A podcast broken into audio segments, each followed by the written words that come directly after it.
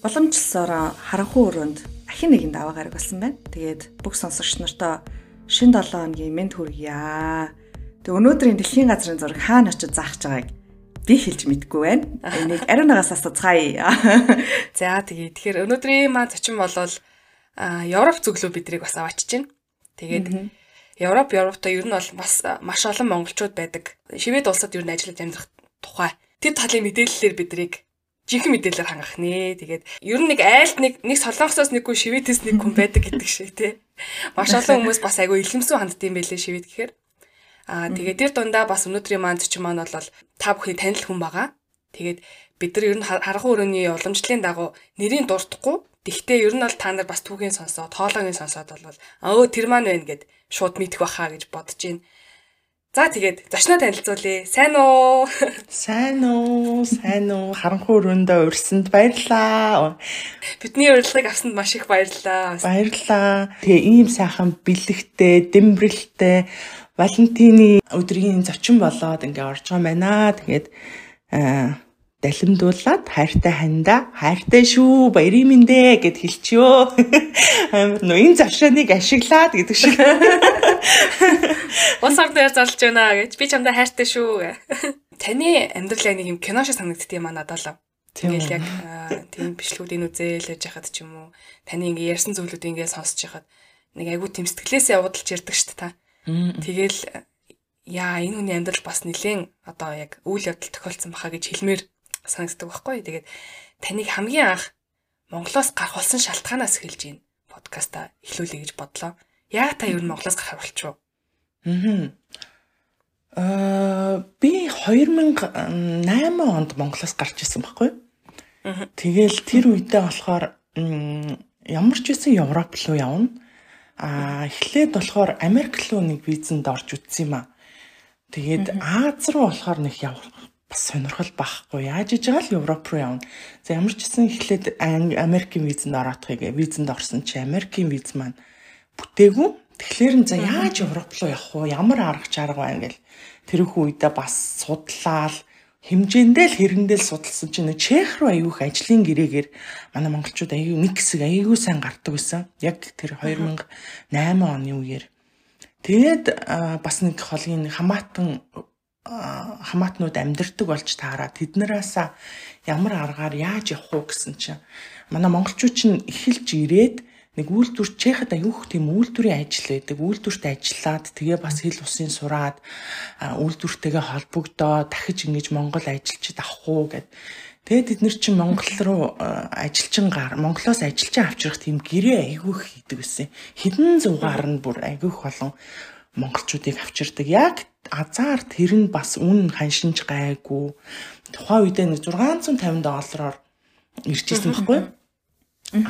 Аа Чех элчинд ажлын гэрээгээр орж юмаа бүрдүүлээ. Тэгээд 2008 оны 3 сарын 6-нд одоо яг мартаас 2 хоногийн өмнө Чехад хөл тавьж илөө.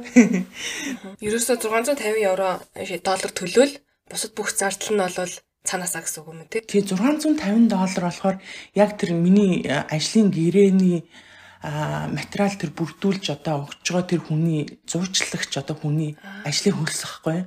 А тэрнээс үйлдвэр бол ямар ч мөнгө авахгүй. Тэднэрт чинь нөгөө ажилчин хэрэгтэй байгаа учраас а тэнгуү чин жуучлж байгаа тэр хүн чинь монголчуудын бичиг баримтыг одоо тэр үйлдвэртэй холбож өгч байхгүй бичиг баримтыг бүрдүүлээд Тэгээд үйлдвэртэй холбож өгөөд бүх тэр даатгал, маатгал бүх юм чинь тэр үйлдвэр цагдаа магдааг эмчиг мчиг бүхэл юмыг одоо би өөрийнхөө хувийн зүгээс хамаарах бүх хүч баримтаа Монголдо бүрдүүлнэ. Энд бүх хүч баримтыг энд байгаа хүмүүс маань бүрдүүлнэ. Тэгээд бүгдийг аваад элчинд орж исэн баггүй чех элчинд.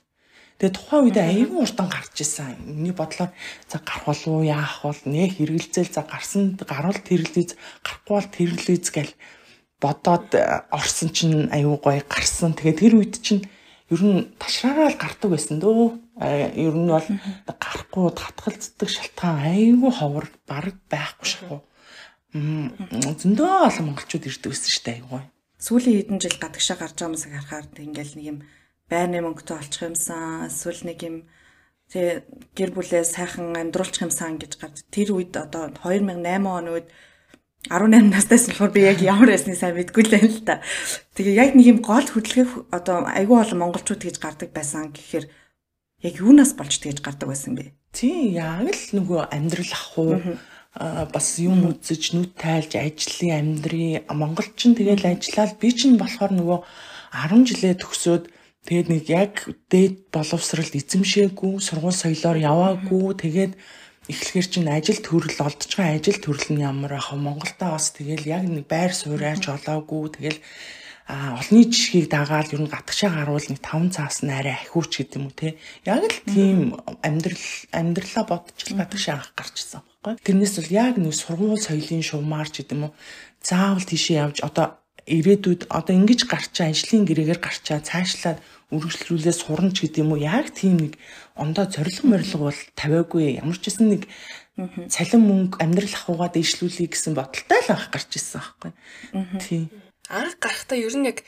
за би яг тэнд одоо нэг хэдэн жил болоод ирнэ гэдэг ч юм уу тийм зориг тавиад гарч ирсэн үү? Тийм шүү дээ. Хугацааны хувьд. Тийм би ч нөгөө манай охин охин аав ээж дээр нь том охин аав ээж дээр үлдээсэн. Тэгэл за ямар ч исэн дээдл нь 5 жил гээл гарт юм билээ шүү дээ анх. Уудлаа гэхэд 5 жил өстө 5 жилийн дотор ёо байр сав машин тэрэг одоо амьдрал ахуйгаа баталгаажуулаад хүрээд ирнэ. За болохгүй бол очиод 1 жил болоод 2 жил болоод охиноо аавна. За охинтойгоо яжгаал за 5 жил л амьдрна гэсэн бодолтой. Ер нь анх бол тэгж удан модон гэсэн бодол юусоо байдгүй мөлий. Тэгсэн чинь одоо 10 хэдэн жил болсон шүү дээ. 14 жил болж юм. За тэгээ онгоцны бодол яллаа. Өө тэр чи онгоцоор ирээгүй. Оо за оо за амар түүхтэй. Юу яасан? Орцоор дамжиж ирсэн байхгүй юу? Тэгээ бас нэг тэрхэн үе тэр үедээ бас яг манай тэр үйлдвэрт биш юм чех руу ондоо үйлдвэрлэлөө бас нэг хідэн гэрээ хийцэн гэд нийт нэг 7 8 монголчууд нэг баг болоод бид нар визэндээ ороод тэгээ гарч исэн юм. Тэгээд бүгдээрээ за нөгөө нэг бас л нөгөө мөнгө төгрөгийнхөө арай багыг бодоол нөгөө зардал мөнгөө бодоол газраар явбал арай дээр юм байна. Тэгээ Оросоор Орос руу ч нөө Москва руу 7 хоног явдсан шүү дээ вагоноор тий. Тэгээ Москвагаас замаа солиод юу руу Чех руу вагонд бас суугаад тэгж дамжиж ирчихсэн байхгүй. Тэгээ амар хөвгчлөлтэй яж хаад юу гэд хинээсээ ч юугаач сонссон амар юм нүнтэй тэгээд нөгөө плетэг мэлээ нөгөө түргэн буцалдаг түргэн халан тоогойлоо тийм юм хум чирцсэн бүр ганц би 20 эдтэй тийм ганц би бүсгүй ээжиж юу тэр тоогоо шанаг тэгэл амар их миний ачаа бүр ингээ хитэрсэн тэгэл нөгөө нэг энд исэн монголчуудаас магадгүй сонссон билүү дээ амар юм үнтэй тийм ч юм эрэхтэй ийм ч юм эрэхтэй тэгдэг ингэдэг гэлстэ бүх за очиод би ч нөгөө мөнгө цуглуулах гэж чаа мөнгө хураах гэж чаа өн чинь очиод юу нөгөө юм хум авахгүй гэсэн төлөвлөгөөтэй байгаа штэ.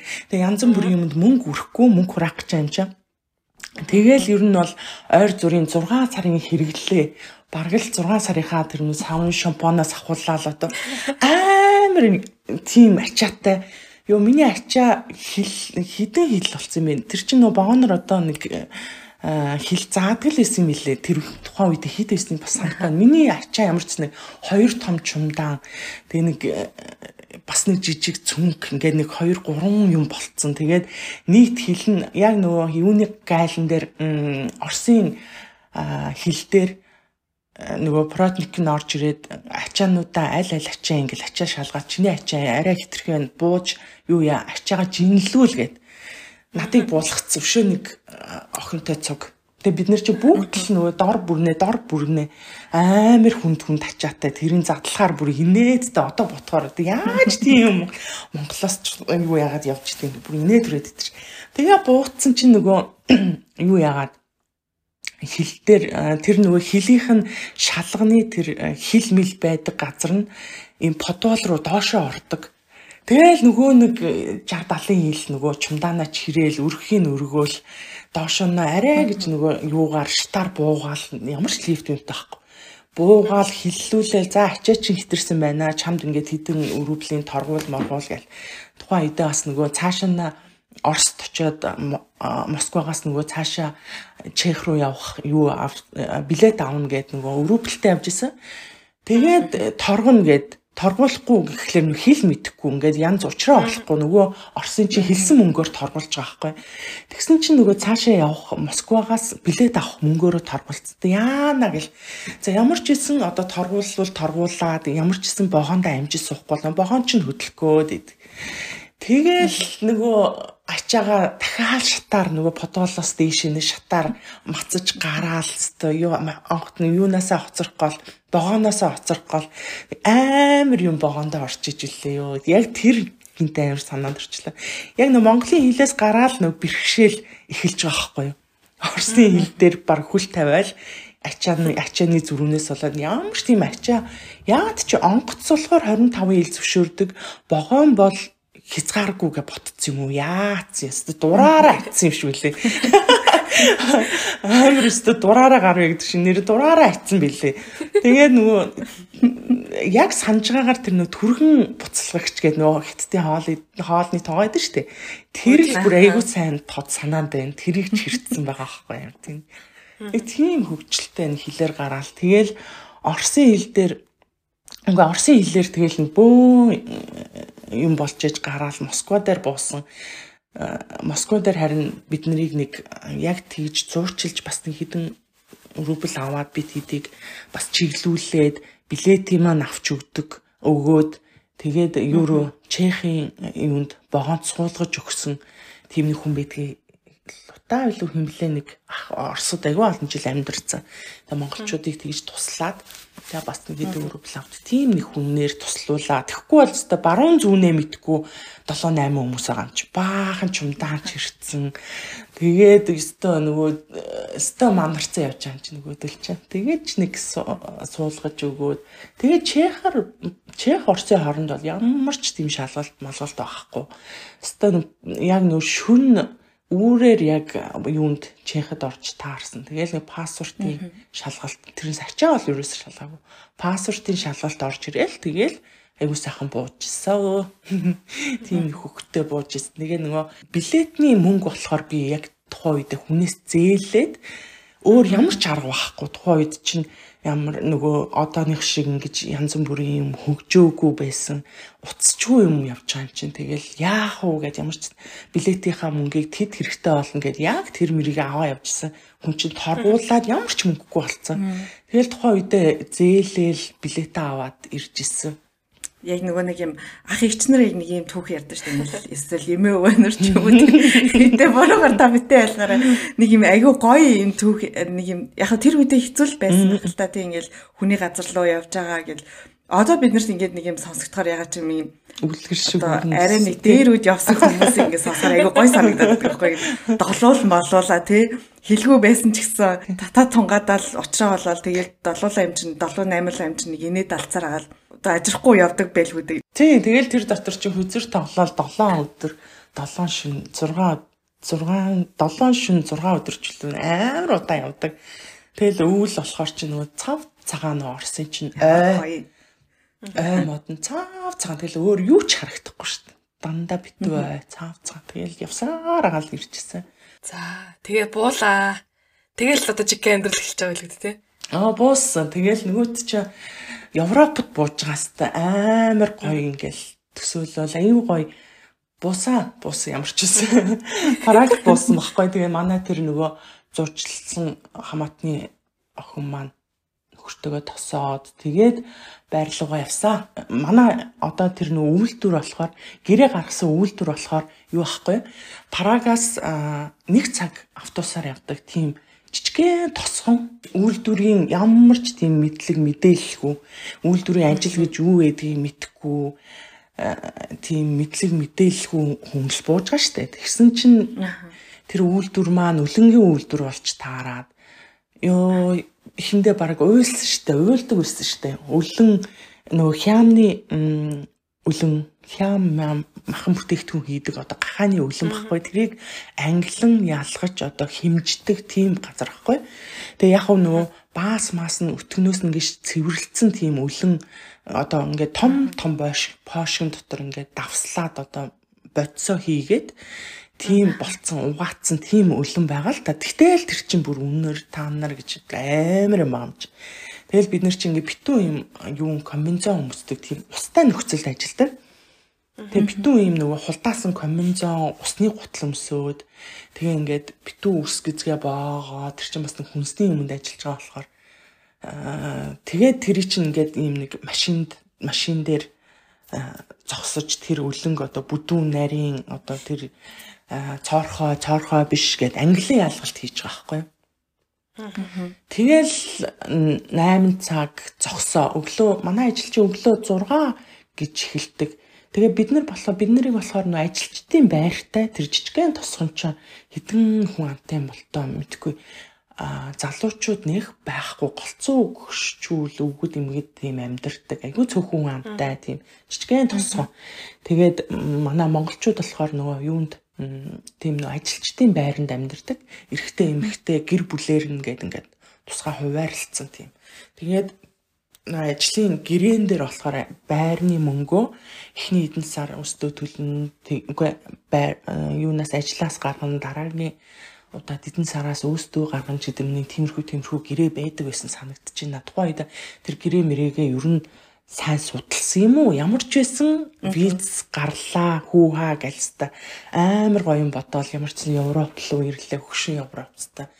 Йоо амар гоё гэж ирсэн. Юу ах өглөө 5 өнгөрч босоод жинхэнэ нөгөө ажлыг чинстэй мэдэрч мэдэж эхэлсэн штэ. Энд ирэл. Яг чихэд ирэл.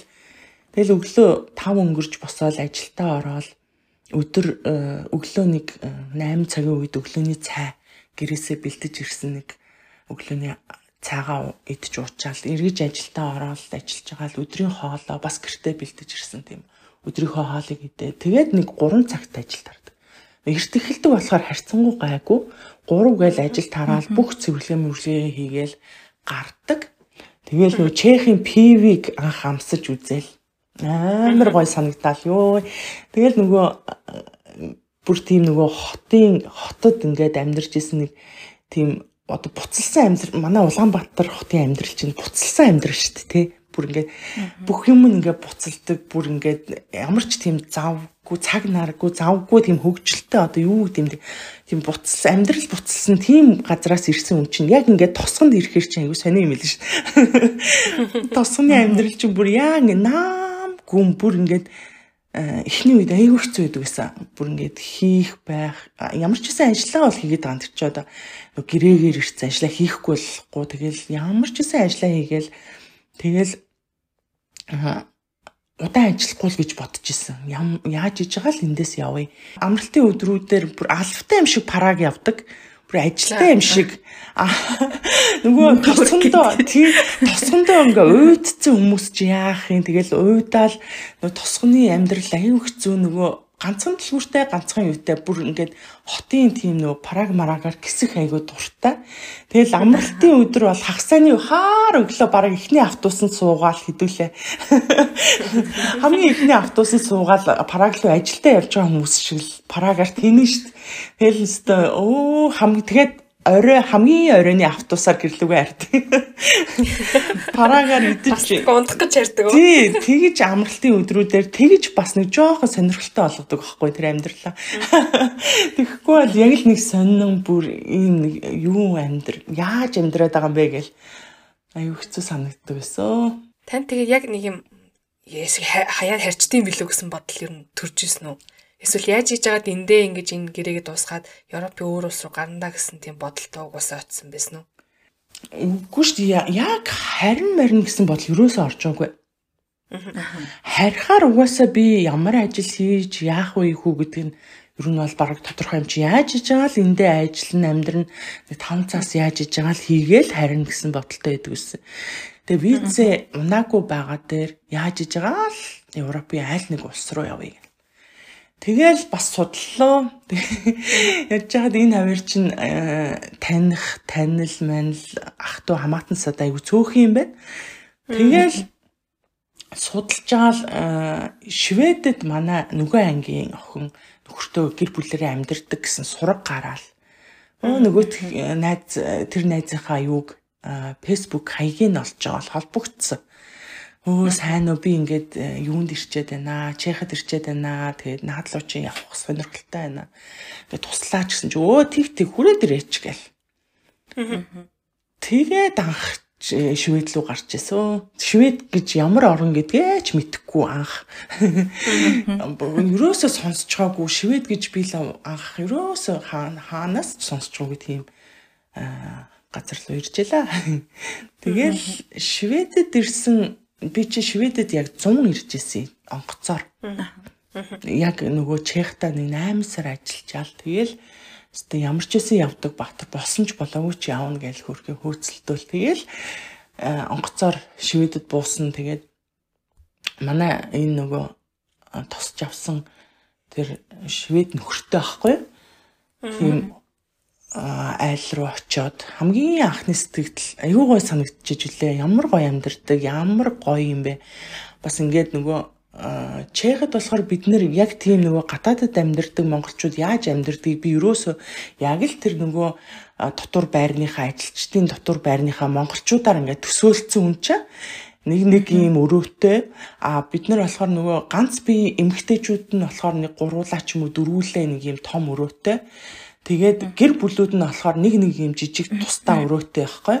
Тэгээ яг л нэг тэрүүгээр нэг э, гадаадд амьдардаг монголчуудыгаа бараг төсөөлцөн тиймэрхүү л төсөөлттэй. Угаасаа нөгөө 8хан сарын мэдлэгтэй мэдээлэлтэй үн чинь. Тэгэл а тэр найзынхаа амьдралыг хараад хөөх ямар гоё амьдрт юм бэ яг ингэ шведтэй шведийн тэгэл э, уур амьсгал ингээл а яг 100 ирсэн аюу гой нарлаг ном ногоо Тэгэл мэдгүй бүхэл юм таалагдчихсан. Айгуу гой санагдал. Тэгэл жинхэнэ амьдрал эхэлсэндээ жинхэнэ амьдрал харын амьдралыг ч одоо жинхэнэ амьдрал гэдэг байгаа шүү дээ. Манайхан нэг визгүй нөгөө хараар амьдрах хичээл өстой жинхэнэ амьдрал эхэлж байгаа байхгүй. Тэгээд визтэй ах чинь бас гоё л доо нөгөө айж ичхгүй тэгэл ажил олдвол хийчихэл ажиллаа хийгээл тэгэл явж идэг.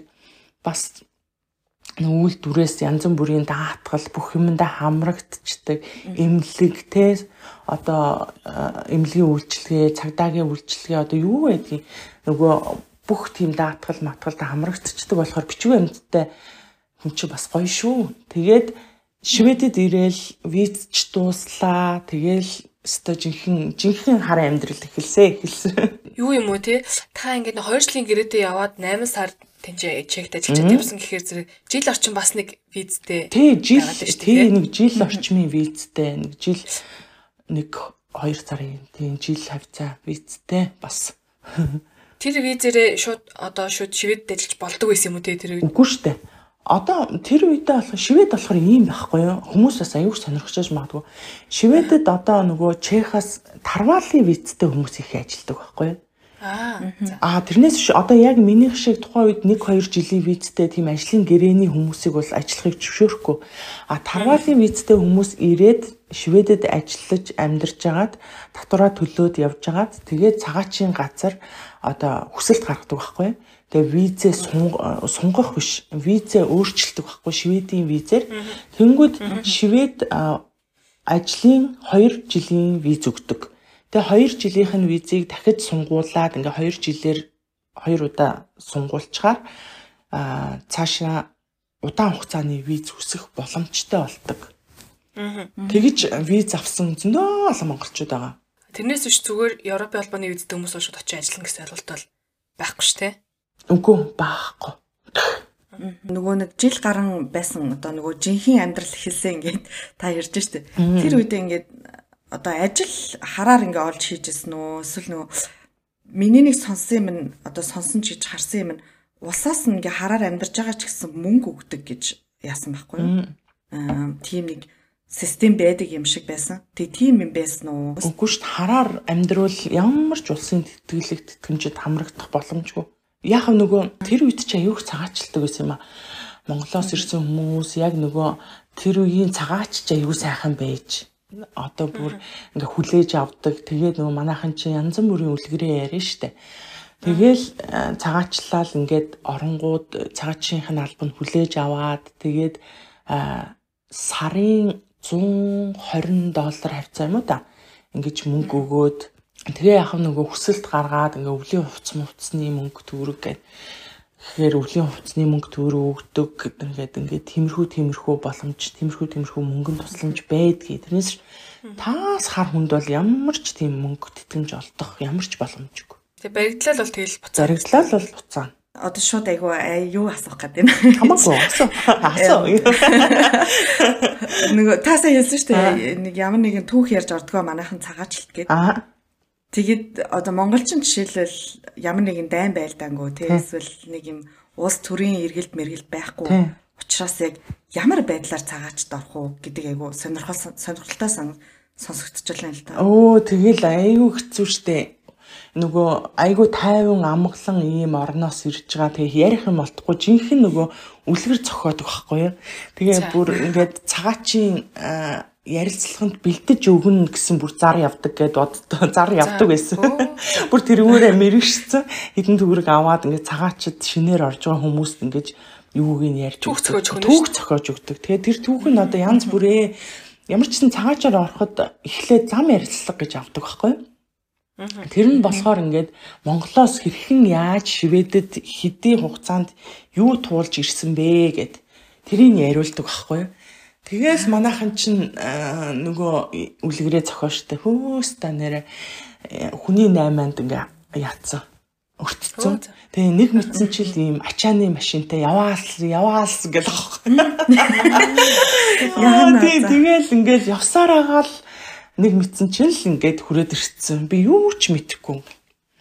Тэгэл э, тэр явах явж явахдаа бараг л нөгөө зөндөө олон хүмүүст ингээл хүчндүүлжээж, хүчндүүлээл, хүч хэрэглүүлжээж янз бүрийн дарамтанд ороод ингэж ирсэн. Одоо бүр тийм нөгөө нэг хамгийн л хэцүү юмыг ярьжээж тэр цагаачл цагаачлах жоохон боломжтой болдог. А тэр нь болохоор цагаа цагаачл цагаачаар эднийх одоо хүлээж авч байгаа материалын одоо хүлээж авч байгаа л хэрэг болохоос биш шивэдэд оршин суух эрх өгнө гэсэн асуудал юусоо биш байхгүй.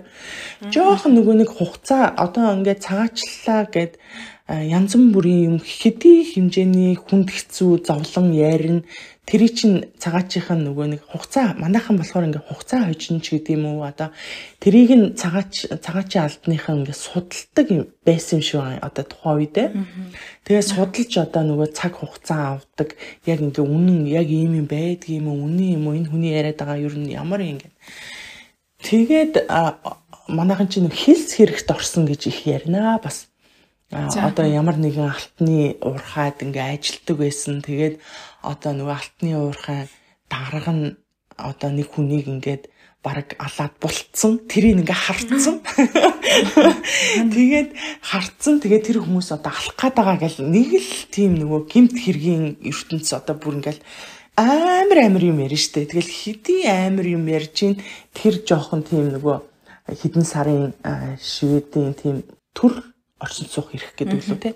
Тийм юм авдаг байхгүй. Тэгээд хуучин бол айгүй уддаг байсан. Хэдэн жилээр хамаагүй тэр нөгөө хэрэг нь судлагдаад одоо хаяа нэг дуудаж ярилцлага авбал аваад тэгээд сар болгоо нөгөө авдаг мөнгө аавна. Тэгэл манайхан чинь авдаг мөнгө авч байгаа мөртлөө уул нь бол цагаачд орсон хүмүүс ажлын эрх даруулаагүй бол ажил хийх эрхгүй байдаг байхгүй. Тэгээд ажил манайхан чи ажиллаа чи чин цагаачаас мөнгөө ч авчин тэгээд э, хар биш тэр чин нөгөө бичиг баримттай төр оршин суух хэрэгтэй болохоор тэгээ айгүй сайхан явдаг гэсэн хуучин. Тэгээд сүүлийн үед одоо бол цагаач бүр авах болцсон. Яг л манай улсыг мэддэг болцсон. Амгалан тайван ямар ч дайн дачин янз бүрийн байхгүй. Цагаачаар орлоо гэхэд таны хүлээж авах боломжгүй гэд таны таны одоо буцаах шийдвэртэй байна ч гэдэг юм одоо хүлээж авахгүйгээр буцаадаг болцсон ерөнхийдөө. Тийм болохоор одоо цагаачаар орно гэсэн итгэл найдвар байхгүй шүү гэж дараа дараагийн ирэх гэж байгаа хүмүүс. Хан тийм тий хүмүүс аягүй их тийж асууж байлаа шүү дээ яг группүүд дээр цагаачлах гэсэн яа тий яаж ер нь юу гэж хэлвэл ол зүгээр өнгөдөг гэж мэг асууд юм бэл. Тий хуучин бол яг тэр үед одоо швед чинь цагаачлал цагаач аюух авдаг. Тэгээд яг энэ хэцүү дайн байлдаантай орны хүмүүс бол ороод бичүүгээрээ оршин суух эрхээ аваал аваал гардаг. Ер нь аюу тийм боломжтой. Шведийг бас цагаачтай аюу ээлтэй тийм газар байхгүй. Тэгээд манай монголчуудыг болохоор нэлээ тэгж юу яадаг гэсэн хүлээж авдаг бичиг баримт одоо төр барьсан суух эрхийг өгдөг ажлын эрхийг нь өгчдөг. Тэгэхэр чи манайхан чинь яг тэр тэтгэмжээ аваад тэгсэн мөртлөө ажил хийчдэг. Тэг аюу сайхан амьдраад яваад идэг гэсэн тэгэл ер нь ташраар нь харлуулаад 2010 хэдэн оноос эндээд хаарлуулаад Монгол бүр алавтан тийм онгоц гаргаж бүр олон монголчуудыг барьж буцаасан штеп онгоц дүүрэн монголчуудыг тэгээд л ер нь хар хүмүүс баригдлаа гэхэд ер нь тэгэл буцаад буцах тийм л эцсийн юу байна да. Аюу чанга болцсон. Ер нь бол юм аюу чанга болцсон хуучныг бодох юм бол. Тэр монголчуудыг барьж буцаахын тулд өөртөө нь бариулдаг байсан гэ тэр одоо хэр үний юм болоо. Ингээд тэгээ хар харлцсан үнийг барьж өгөх юм бол тэдэн 100 одоо гэдэг ч юм уу те ингээд мөнгө амлж амлдаг гэсэн тэр худлаа юу? Худлаа. Тэр магадгүй зүгээр нэг ганц нэг хүний тийм нөгөө худлаа үний ярьдаг жоохон тийм худлаа. Би л тиймэрхүү юм сонсчоогүй. Монголчууд харин би биэндээ айгүй юу штэ. Хүй хай тэнд энд шалгалт явж гин нөгөө монголч шведүүдийн зар байдаг байхгүй юу? Монгол монголч шведэд байгаа монголчуудын зар гэж зөндөө албан зар. Тэрэн дээр чи айгүй хөөхөн хөөхөн айгүй сэтгэлтэй. Тэнд энд цагдаа нар одоо шалгалт явж шүү ингийн увцтай манайхаа мэдээтэй яваарай ч гэдэм үү тэгэл одоо энэ тэнд татварын шалгалт одоо манайхан чинь нэг үе одвол аюух тийм бичиг баримт орсон суух хэрэгтэй болцсон бичиг баримттай болцсон. Одоо одоо яг тэр үед 2008 8 онд би Монголоос ирсэн тэгээ 10 11 оноос ч юм уу да ер нь ажлын гэрээ гэж юм гарсан байхгүй шивэдэд гарсан ч яг хуучин бол байдаг л юм байлээ.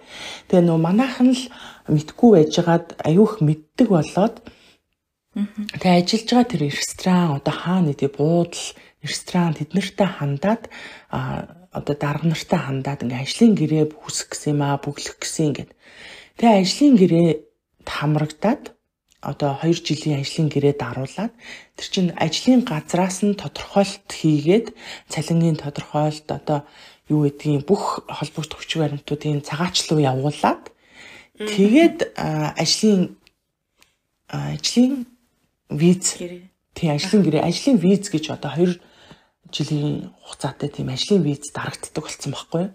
Тэгэнгүүт чи манай монголчууд чи айгүй олон хүмүүс бичиг баримттай болоод Тэгээд 2 жилийн ажлын виз нь дахиад 2 жилээр сунгаад ингээд 4 жил ингээд амьдарчих юм бол урт хугацааны визээ хүсээд тэгээд аюулгүй олон монголчууд одоо урт хугацааны визтэй амьдарч байна. Уртч бай, богиноч бай ер нь ингээд оршин суух эрхтэй болчоор чинь бүх тийм хууль, дүрм, эмнэлэг, үйлчлэгээ одоо бүх юмд нь Шведийн иргэнд иргэдтэй адилхан бүх үйлчлэгээ аваад авдаг тэр тэтгэмж те одоо э, өөрөөр ингээл э, жишээлхэд би хоёр дахь охиноо хар бахта гаргаж ирсэн байхгүй? Тэгээд улсаас ямар ч мөнгө төгрөг авч байгаагүй яг хуу төрөхөд бол үнэгүй л те эмнэлэг нь ямар ч үнэгүй одоо нөгөө хяналт байна. Жирэмсэн болоод очиод үзүүлдэг хяналт нь үнэгүй төрлөө гэхэд эмнэлэг нь үнэгүй айгуу гоё штэ бас швед. Тэгээд төрсний дараах мөнгө би чинь ажилласаар агаад л төрсөн ш туулна. Тэгээд хэрвээ ингээд би оршин суух хэрэгтэй байсан бол ажилласаар ажгаа төрөхөд одоо Монгол шиг декрет гэдэг нэг мөнгө авдаг шүү дээ. Тэр нь тийм юм хум авдаг хэрвээ би бичиг баримттай байсан бол а тэр үедээ болохоор би бичиг баримт байхгүй яг хар байсан. Тэгээд ямар ч тийм мөнгө төгрөг халамж үйлчлэгэнд хамрагдаж чадаагүйгээр төрөө төрсний дараа ч гэсэн тийм байдаг байсан. Тэгээд сүүлд одоо нөгөө бичиг баримттай болцоод төрөхөд гоё юм бэлээ гэхгүй. Бүх тийм үйлчлэгээ халамжинд нь хамрагдаад мөнгө төгрөгөө аваад хүүхдийнхаа мөнгийг аваад ээжийн мөнгөө аваад гэл гоё шít бас. Тэгээд нөгөө Шведийн хамгийн гоё юм нь ийм нөгөө татвар аягүй сайн авдаг. Татвар бүр аягүйх авдаг. Ажил хийж байгаа хүн болгоноос ажил одоо биднэрт ээжүүдэд өгж байгаа ээжийн мөнгнөөс нь хүртэл татвар авна. Одоо бүх тийм нөгөө ажилгүйдлийн тэтгэмж одоо тэрнээс хүртэл аавна. Өвчтөе хүмүүст өгж байгаа мөнгнөөсөө хүртэл татвар аавна. Татваргүй юм юу ч байхгүй. А тэгээд тэр авсан татвараа айгүй сайхан төвл юу төвлөрүүлж агаад буцааж ингэж хүмүүстэй иргэдтэй амар сайн өгдөг. Тэр нь бүрэлдээ айгүй гой таалагдаад идэв шүү дээ. Хүмүүс сонсож байгаа хүмүүсийн хувьд нэг юм гап гарчлаа да завсар гарчлаа. Та ингээл шивэдэд ингээл ороод тэгсэн чинь одоо таны ярьснаар бол гид хүүхдтэй болчихлоо шүү дээ. Тэр хэсэг хооронд яг юу болчихвоо. Аа харин тийм нэрээ тэрийг яриаг юм шиг. Гинт хүүхдтэй болол нөгөө хар бахтай төрөөл явчихлаа шүү дээ. Юу болчихвоо тийм дээ. Тий, тэр ингэсэн. Аа ингэсэн. Би нөгөө 2008 оны өвөл шивэдэд ирж байгаа байхгүй. Тэгээд миний нөгөө нэг нэг жилийн виз чинь гадуур явхад хүмүүст үзүүлэхэд одоо юу гэдэг магадгүй цагдаа бичиг баримтын шалгалтанд таарахад үзүүлэхэд л виз болохоос биш ямар ч тийм ажиллах эрхтэй бол виз биш аахгүй. Тэгээд би чи нөгөө хүний бичиг баримтаар ажиллаа. Одоо тухайн үедээ нөгөө бид нар их тэгж хүний бичиг баримтыг мөнгө өгч хөлсөлж их ажилдаг байлаа. Аа одоо нөө цагаачд ороод ажлын эрхт аруулсан тийм хүмүүс чинь өөстөө тэнд ажиллаа хийж байгаа мөртлөө надад бичиг баримтаа хөлслөөд би тэрийг үзүүлээд тэгээ бид нарыг аягүй гоё ялгахгүй шүү бид нар чинь. Тэгээ үзүүлээд би нэг ресторанд ажилд орж ирсэн байхгүй рестораны ажил юусоо таалагддаг байхгүй яагаад гэсэн чинь би нөгөө нэг өвөл ирсэн. Тэгээд шведийн ийм нөгөө цаг уурын онцлог байна л да өвөл нь амар их таранхуу болдог өглөө нар нь гарахаа үзэхгүй тэгснэ өдөр нэг жоохон гарч ирсэнэ өдрийн 3 цагт хав харанхуй болчихдог байхгүй наргүй. Тэгээд би ресторанд ажилд орсон чинь айгүй уртаар өглөө 10-аас оройны 9 хүртэл тэгсэн чинь бүр ямар ч бас л амьдралгүй байна. Бүр ингээд залуу хүн байгаа гэдэг. Тэгсэн чинь ганцхан 7 хоногийн ганцхан өдөр амардаг. Тэгээ бус 6 өдөр нь тэгж уртаар явдаг. Тэгэл баг гэртээ очиж унтчаал өглөө нь ажилдаа ажил руугаа явах гэж бас нэг 40 50 минут ингээ метроор явдаг. Тэгээ метрондо баг ингээд ядарсан юм чинь ингээ метрондо баг унтс сэрэл унтс сэрэл нэг юм ажилдаа очивол тэгээл рестораны ажил чинь аюу хүнд тийм хийхгүй ч юм байхгүй бүхэл цэвэрлэгээ бүхэл шаарддаг хуурдаг хоол унд тэр үедээ нөгөө Вьетнам тийм Тайланд маягийн тийм ресторанд Аз ресторанд ажилладаг шараал, хураал тэгэл бүхэл юм хийдэг. Тэгээд рестораны ажил орой ажиллаа тарахаар л таас харанхуу. Тэгэл харанхууд бас л унтас сэрэл унтас сэрэл очиж унтаал тэгэл өглөө нь ирдэг. Тэгээд бүр нэг амьдралын бас хэмнэл бас амар сонь санагдаал ингээл байжсэн чаа. Юу яалаа? Буудлын ажил гарлаа. Манай монголчууд аюух буудалд ажилладаг байхгүй. Тэгээд буудлын ажлын цаг нар нь их гоё өглөө 8-аас ажил эхлээл тэгэл нэг 2 3 за нэг 4 5 ч юм уу цаатална тэгж дуусцаг. 5 ч бараг хүрэхгүй дээ 2 3 гээл ажил тарчин. Тэр нь аюу гой санагдаад буудлын ажилд орцсон. Тэгэл зөндөө олон найзуудтай олцсон Монгол хүүхнүүд Монгол охтуудтай. Тэгэл бид нар чинь нөгөө юу ялаа улс тунхагласны баяраар а Монгол баар ажилдаг байсан тэр бааранд ороод 11 сарын 26-нд 9 он шүү дээ 2009 оны. Тэгээд анх нөхөртөөгөө танилцчихлаа. Манай нөхөр чинь аа бас тэр үедээ ганц би тэгээд айгүй олон найз нартайгаа би баахан хүүхнүүд найз нартайгаа манай нөхөр чинь бас баахан найз нартайгаа тэгэл бид нар чинь танилц хорн ганц нэг нь бас таньдаг байсан юм а манай тэр найзуудыг Тэгэл манай нөхөр чинь миний утсыг олж авах гал баахан эрэл сурал болол. Тэгээ маргааш нь миний утсыг олж авч ээж үлээ. Жижигхэн түүхөө. Тэгэл нөхөртөөгөө айгүй хуцаар ярьдаг. Тэгэл уцаар яриад манай хүн чинь нөгөө машин цэцвэртга ажилтдаг. Би чинь буудалд ажилтдаг. Бас хажуугаар нь амралтын өдрүүдээр юунд ажилтдаг, ресторанда ажиллачнаа. Бас тэгэл оройгоор ч юм уу нөгөө буудлын нэр тарчгаар бас тийшээ гүйчиж ресторанда ажилладаг. Тэгэл ямар ч хоёр талд нөө завгүй хүмүүс ч уулзч чадахгүй зүгээр уцаагаар л ярьдаг. Тэгэл уцаар ярьсаар гал мэдхгүй аваас утсан шүү дээ. Тий. Битэрт нэг яг ингээ хүмүүс нэг гой гой түүх ярьдаг байхгүй тэгж найраал битэрийг тийм тэр тийм тийм газраар яваал тэгж ингээл битэрт яг тийм юм бэдгүй шсэн. Ярьсаар агаал тэгэл би тэгдэг байхгүй. Чи ер нь жоохон армантик биш ээ. Надыг аягүй сонирм эргүүлэхгүй найрахгүйгээр аваад суудсан гэдгсэн чи мэдгүй чи л тэг өөрөө суудсан шүү дээ. Намайг аваад суудсан гэх гээд. Тий, баг намайг ингээд ярьсаар агаал чи баг аваад суудсан. Чи баг хүрээд ирсэн шүү гэдэг байхгүй. Одоо одоо дахаар тэгэл ярьсаар агаал мэдгүй нэг гэрт орцсон байсан шүү дээ.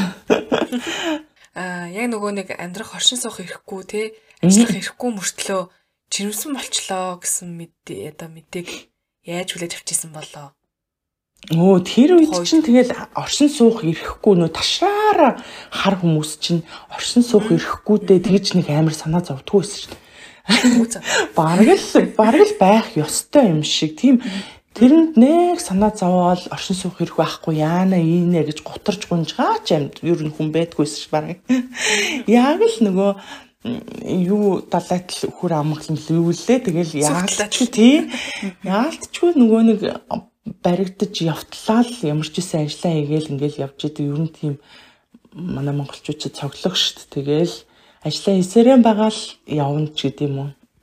Тэгээ нэг хар байгаа хар юм чинь яана инэ гэсэн юм байхгүй. Тэгээд а юу яа хамгийн юу хэцүү юм нь тэр хүүхэд мөхөд гаргах ч яах вэ?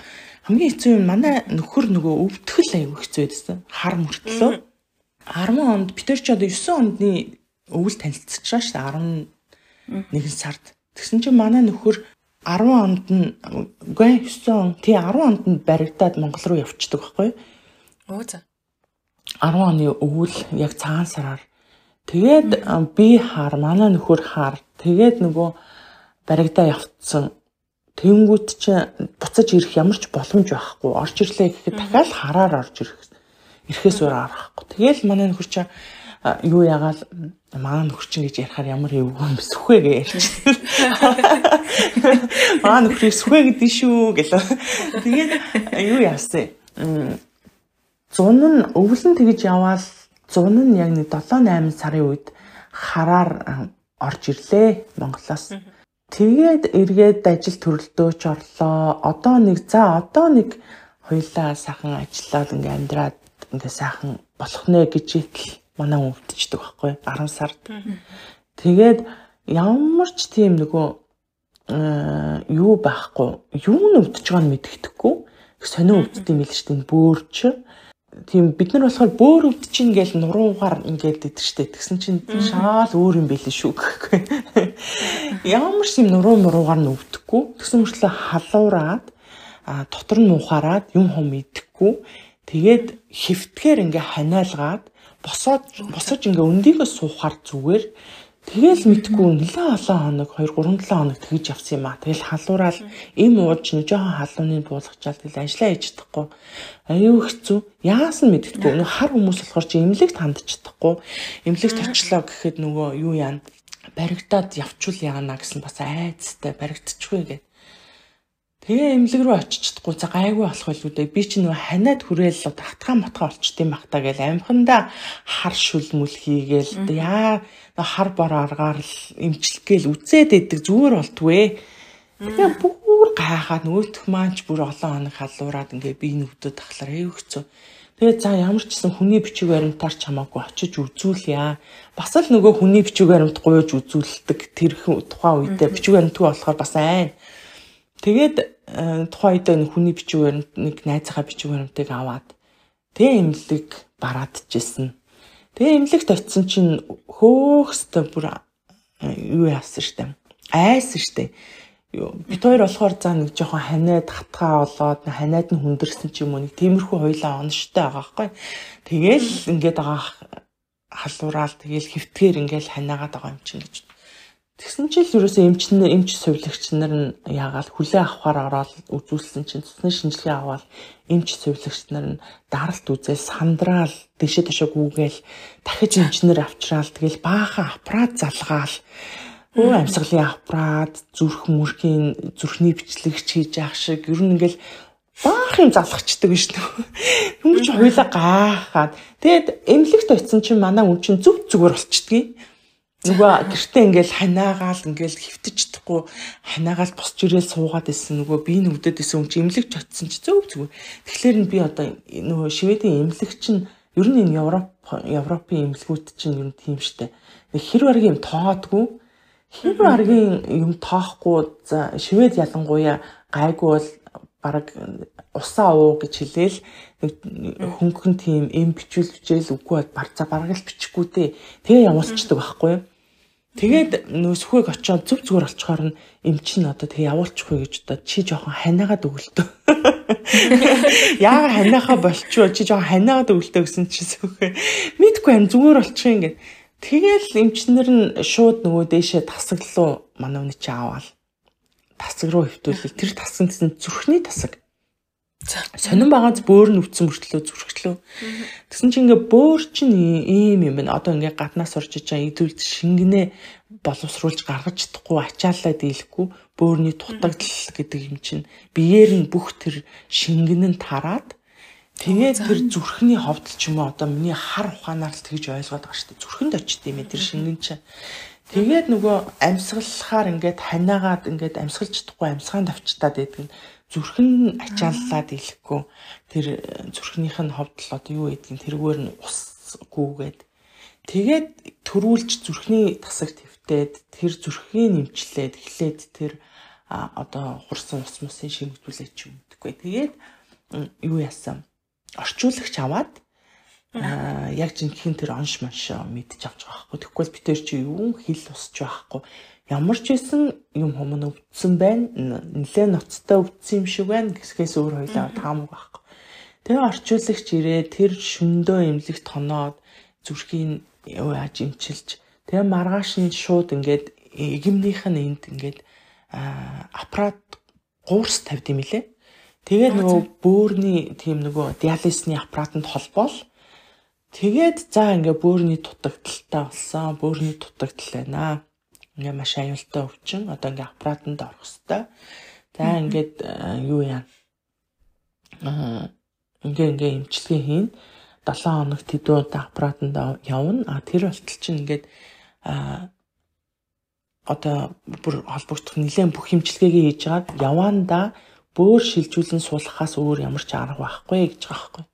За тэгээд нөгөө э, шведийн одоо нөгөө манайхаар бол нөгөө регистрийн дугаар гэхгүй монголоор тийм дугаар муугаар чи юу байна инээтрэ гэд одоо бүх тэр эмнэлгийн үйлчилгээ мэдээлэл чинь бүх тийм юмар явдаг.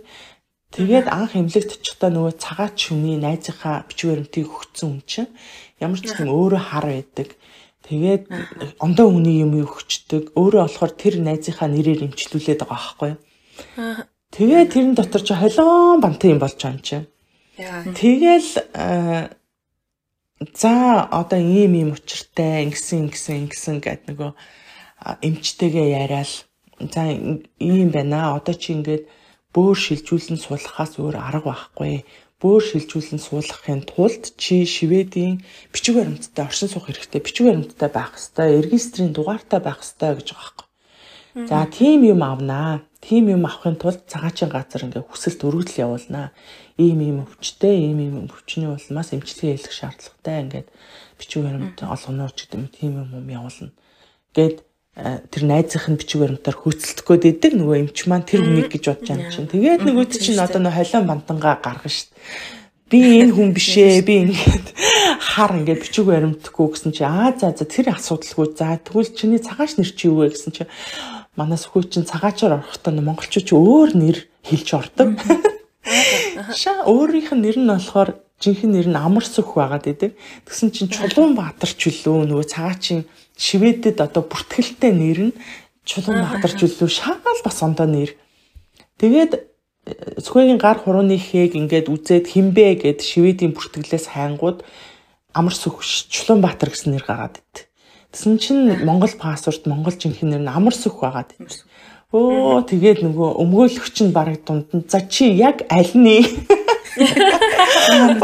Толгойн нэргцэн нэр монголчууд нэр та нар ста хална шүү. Чи яг аль нь яг жинхнээсээ аль нь Тэгээд жинхэнэ нэрээ оруулж бичиг баримтаа хөөцөлдөж авч ирсэн. Гэтэ автлаа бас дөндөө юм болсон. Тэр хооронд чинь Шведийн юу чинь цагаачин газар чи өө за өвдсөн үү за бичиг баримтаа аав гэд өгдгүүм билээ шүү дээ. Тий. Тэггүй. Тий. Аа өвдсөн үү маа гэд өгдгүүм билээ шүү дээ. Тэгэл зөндөө юм болоод нөгөө эхний ээлжин чи 3 удаа буцах шийдвэр өгч байгаа байхгүй юу? Аа юу яагаад Монгол руугаа буцах энэ хангалттай шалтгаан биш байна. Аа Монгол руугаа буцаа гэсэн гурван шийдвэр аваад тэгээд өмгөөлөгч бит хоёр чи аваад хамгийн их тусалсан манай тэр нөгөө эмчилж байгаа эмчин тэгээд нөгөө сэтгэл зүйч гээд куратор гээд сэтгэл зүйч нь тэгээд тэр өмгөөлөгч тэгээд орчуулагч гэл айгүй гоё тийм олон хүмүүсийн тусалцаатаагаар хэд буцаж хэд одоо юу яаж иж Шведэд оршин суух хэрэгээ аваад тэгээд тэр болтол чи хөөрхөн тэмцлэгээ явагдаал хийгдээ л яваад байгаа байхгүй. Тэгжээж юу асан зөндөө юм үзэж хагаад нэг хөөрхөө бичвэр баримттай золголоо. Тэгээ бичиг баримттай золгоод бас бүх юм болчдгүй мөлий. Бичиг баримттай ч гэсэн юу яг нөгөө эмч эмчилгээгээ хийгдэл одоо эмнэлгийн зүгээс бол хийдэг эмчилгээгээ хийгээл айгу сайхан яваалаа. Тэгсэн чинь би бичиг баримт байдгүй. Би жирэмсэн болцсон байдаг. Тэр үед чинь 2010 онд өвдсөн гэдэг чинь тэр үед яг жирэмсэн байсан. Тэгээ 11 оны 100 нь би юу яасан баггүй? Төрсөн баггүй? 8 сард. Тэгээд төрчөөд идэг охинд бичиг баримт өгдвээ. Би бичиг баримтаа аваагүй. Тэгсэн чинь юу яасан? Ямар ч тийм нөө халамж үйлчлэгээ тэтгэвэр тэтгэмж юу ч авахгүй байгаа шүү дээ бид гурав чинь. Аа сүхэд болохоор Шведийн оршин суух хэрэгтэй болохоор регистрийн дугаартай болохоор сүхэд ганцхан зориулж сүхээгийн хэрэглээний мөнгийг өгөөд идэг улс нь. Тэгээд би чинь нөгөө нэлх хүүхдтэй жирэмсэн төрөн төртлөө л юу н ажилласан дөө. Тэгэхгүй л бол ерөөсөө байр, хоол нөгөө нэг нь өвдсөн тэгэл бас л хэцүү шүү дээ. Яг тэр үе бодсон чи бас л амар шүү. Тийм тэгэл төрөн төртлөө ажиллаа хийж байгаа л төрчөөд юу яасан юм аа? Ой хүүхдээ ой нэг ойтой олгоол ер нь цэцэрлэг нь авчдгийг эднийх. Тэгээ тэр болтол чинь бас жирэмсэн болчихж байгаа байхгүй юу? Охноо охин охноо нэг хэдэн сартай ахт дээ. Жирэмсэн болоод нэг ой 2 сартай багт нь би бичиг баримтаа авах гад шивэд болохоор чи гадны орноос бичиг баримтаа хүсээ эндээс хүсэх боломжгүй гэд шийдвэр гарчиж байгаа байхгүй. Тэгээ би Монгол явхаас өөр аргагүй болчих. За. Тэгэл юу ялаа Аа за Монгол явхаас өөр аргагүй байна. Явъя. Хамгийн гол нь явсан ч гэсэн хурдан хугацаанд буцаж ирэх хэрэгтэй байна гэд. Тэгээ хоёлаа яах вэ? Яавал хурдан хугацаанд буцаж ирэх бол гэж хоёлаа хоорондоо ярьлаа. Тэнгүүдээ ийм юм байна. Чи өвчтэй. Тэгээд ийм бага насны хүүхэд харж үлдчихэж байгаа болохоор шивэд миний бичиг баримтыг удаахгүй аюу хурдан гарах баха. Яг л ийм хүндэтгэх шалтгаантай юм чаа гэж хоёлаа бодоод охиноо одоо нөө манай хоёр дахь охин дөнгөж ой 2 сартай байсан. Тэгээд охиноо аав дээр нь үлдээж байгаа байхгүй юу? Амар зоригтой тийм өвчтөй 7 хоногт одоо манай чинь 3 4 удаа тэр диализны аппаратанд явдаг амар бие муутай тийм өвчтөй хүн дээр тийм нялх хүүхдэд орхиод Монгол нисэж байгаа шүү дээ бичвэрэнтэй авахгүй. Хамгийн гол нь хурдан бичвэрэнтэй аваад хурдан буцаж ирэх. Ямар ч байсан Монголд жирэмсэн очиж байгаа. Тэгээд жирэмсэн байгаа юм чинь төрхөөсөө өмнө газ мэл бичвэрэнтэй аваад газ мэл том охиноо аваад Тэгэл хурдан ирнэ гэсэн зорилготой охиноо үлдэгээ явсан чи байдгүй. За нөгөө бичиг баримт нь.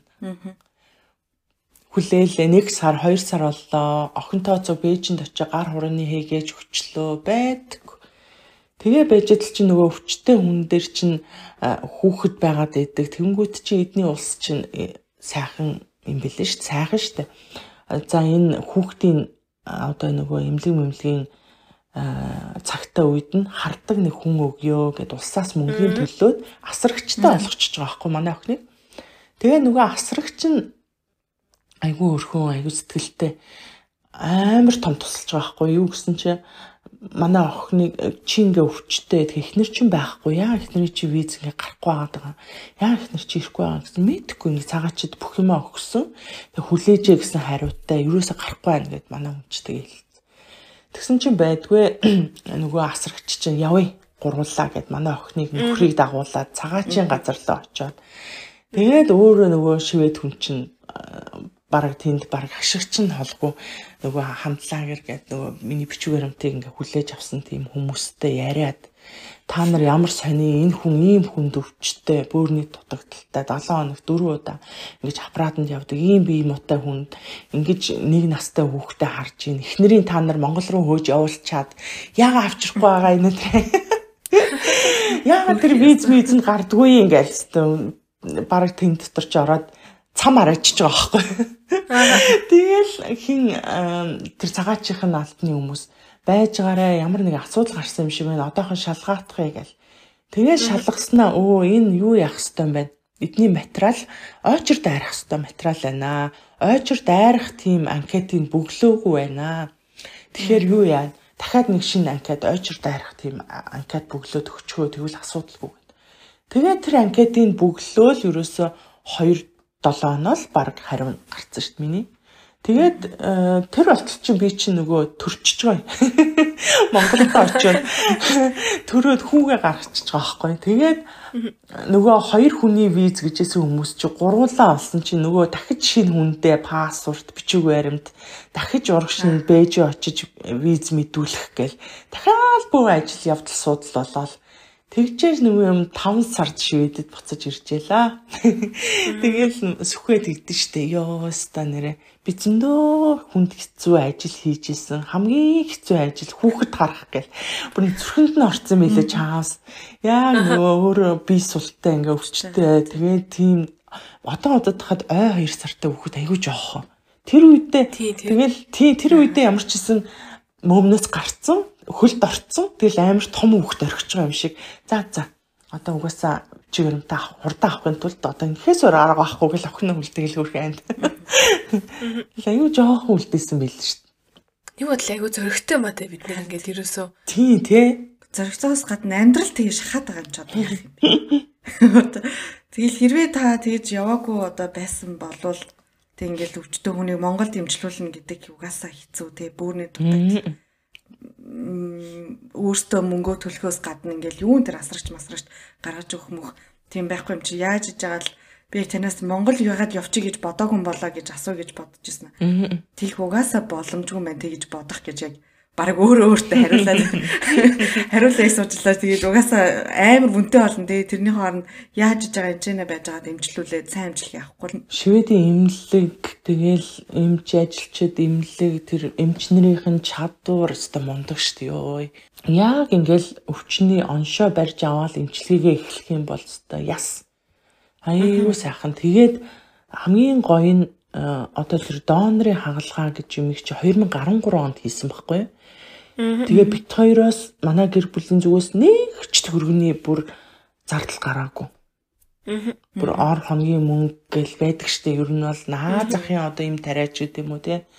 Тэгэл тэр том хагалгааг аа нэг ч төрний зардалгүй тэгж хийсэн. Гэхэлэр би бит хоёр манай гэр бүл энэ улсад бүр өстө баярлаад идэв ш нөгөө нэг айгүй ээлтэй ээлээ өгсөн хүнд ер нь таарч тохирдог нэг улс байдаг да. Улс тийм нөгөө тэ миний хувьд болохоор чех ерөөсө таараг байхгүй надаа.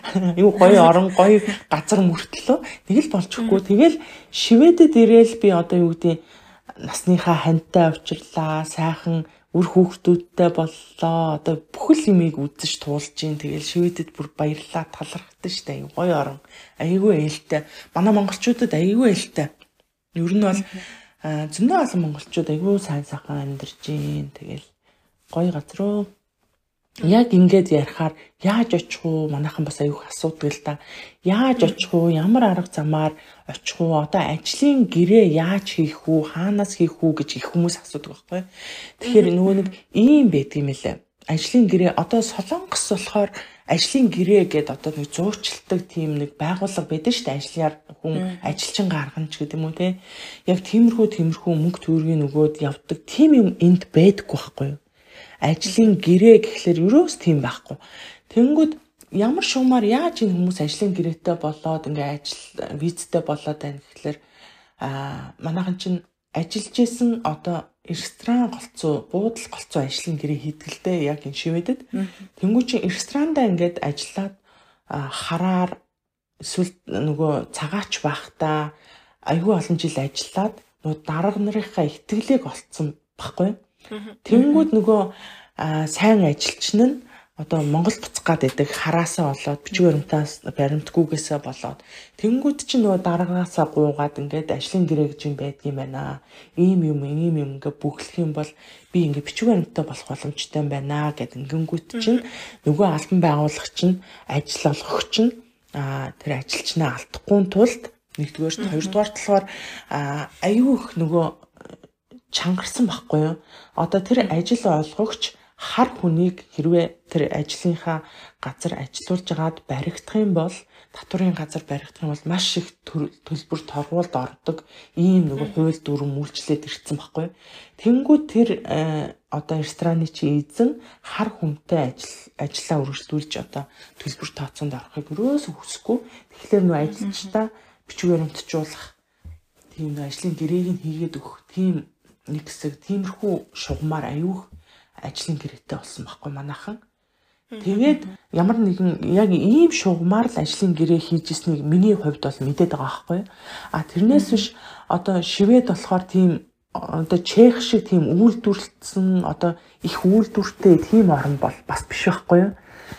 Тэгээд чех болохоор Унгар, чех ч гэдэг юм уу эднэр чинь болохоор аюух үйлдвэртэй олон тийм массын ажилчид аюух авдаг гаднаас Тэгэж ажлын гэрээ гэр Чех руу, руу, Польш руу, руу их ирдэг хүмүүс. А Чехэд болохоор яг тийм байдгүй болохоор ажлын гэрээгээр гаднаас ирнэ гэдэг аюу хэцүү.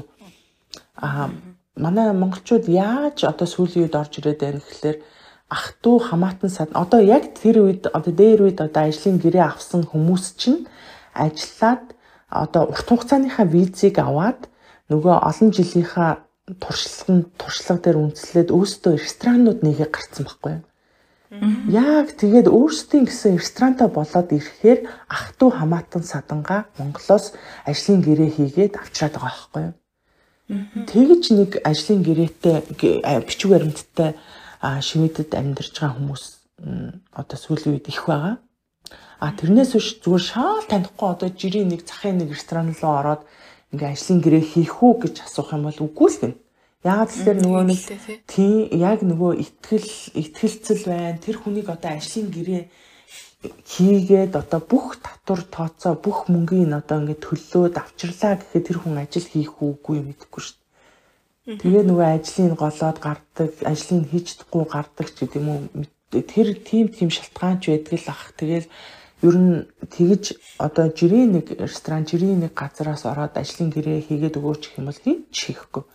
Яг сүүлийн үед болохоор манайхан яг л өөртөө өөрсдийн гэсэн ажлын байрыг бий болгоод тэгээ ах トゥ хамаатан садангаа тэгж авчирч байгаа байхгүй. Тэгж аюу хүмүүс ирж байгаа. Тань шиг ингэж яг хэлэх хүн байхгүй. Яг ингэж нэг юм те. Ингэж ирдэ шүү манайхан ийм юм байдаг шүү гэд ер нь бол нэг юм нуусан байдалтай байгаад байдаг шүү. Тий. Тий. Тэг хүмүүс надаас бас аюух асуудаг байхгүй юу? Яаж очих уу? Шивэдэд яаж очих уу? Яаж ажиллах уу? хараар очивол яах уу гэж аюух асуудаг байхгүй. Яг уу хараар яаж хийж байгаад ирлээ гэхэд ямар тач а одоо юу гэдэг гудамж нь хоноод ингээд хэцүү хэцүүгийн хувьд бол хэцүү хэцүүгүй юм бол хааж байхгүй шүү дээ гудамжинд хондогч гэдэг юм уу тийм амар юм бол байхгүй л дээ. Айгүй олон мянган монголчуудтай ямартай ч нэг айлын хажуу өрөөнд хүнтэй хамтраад одоо юу гэдэг айл айлын хажуу өрөөнд хүнтэй хамтарч хөлслөөл хамгийн наацах нь. Тэгээд нэг айлын гэр цэвэрлээ ч юм уу цагийн ажил хийгээд ингээ явхад бол байр хоолныхоо мөнгийг гөлхөөн болгоол явна. А яг тэр чинь болохоор амьдралын баталгаа биш байхгүй юу. Тэгээл нөгөө тэр ажил нь олдох уу, олдохгүй юу. Тэгээл айлын цэвэрлэгээ хийн, цагийн үнэлгээ нь бага. Тэгээд бичиг баримтгүй болохоор гадуур явхад айж чинь ажил сансны зоргоор олдохгүй гэл аюу хэцүү штэ. Тэр болгоно нь хэцүү. Тэгээд хүмүүс аюух нөгөө нэг хараар очивол ямар байл гэж асуугаад идэв надаас. Тэгээ одоо бол ялангуяа а хуучин 2000 одоо 2000 оны гэхээр 2000 оны сүүлээр ч юм 8 9 10 онд бол айгүй дажгүй байсан. Яг тэр одоо миний ирэх үеэр бид нар чинь ташаараа хар байсан юм чи угаасаа. Бичиг баримттай хүн айгүй цөөхөн байсан. Тэгээд яг тэр үеэс эхэлж л ажлын гэрээ гэдэг юм чинь манайхан мэдж тэгж гаргасан гарч эхэлсэн ажлын гэрээтэй одоо бичиг баримттай хүмүүс айгүйх болж ирсэн байхгүй. Тэгээд би биендээ хилээд ингэж ингэж ажлын гэрээ хийдэг юм байна. Ийм ийм байдаг юм байна гэд би биендээ хилээд айгүй сайхан ажлын гэрээтэй олцгоосон шүү дээ. Бүгд бичиг баримттай олцгоосон шүү дээ. Хинхэн.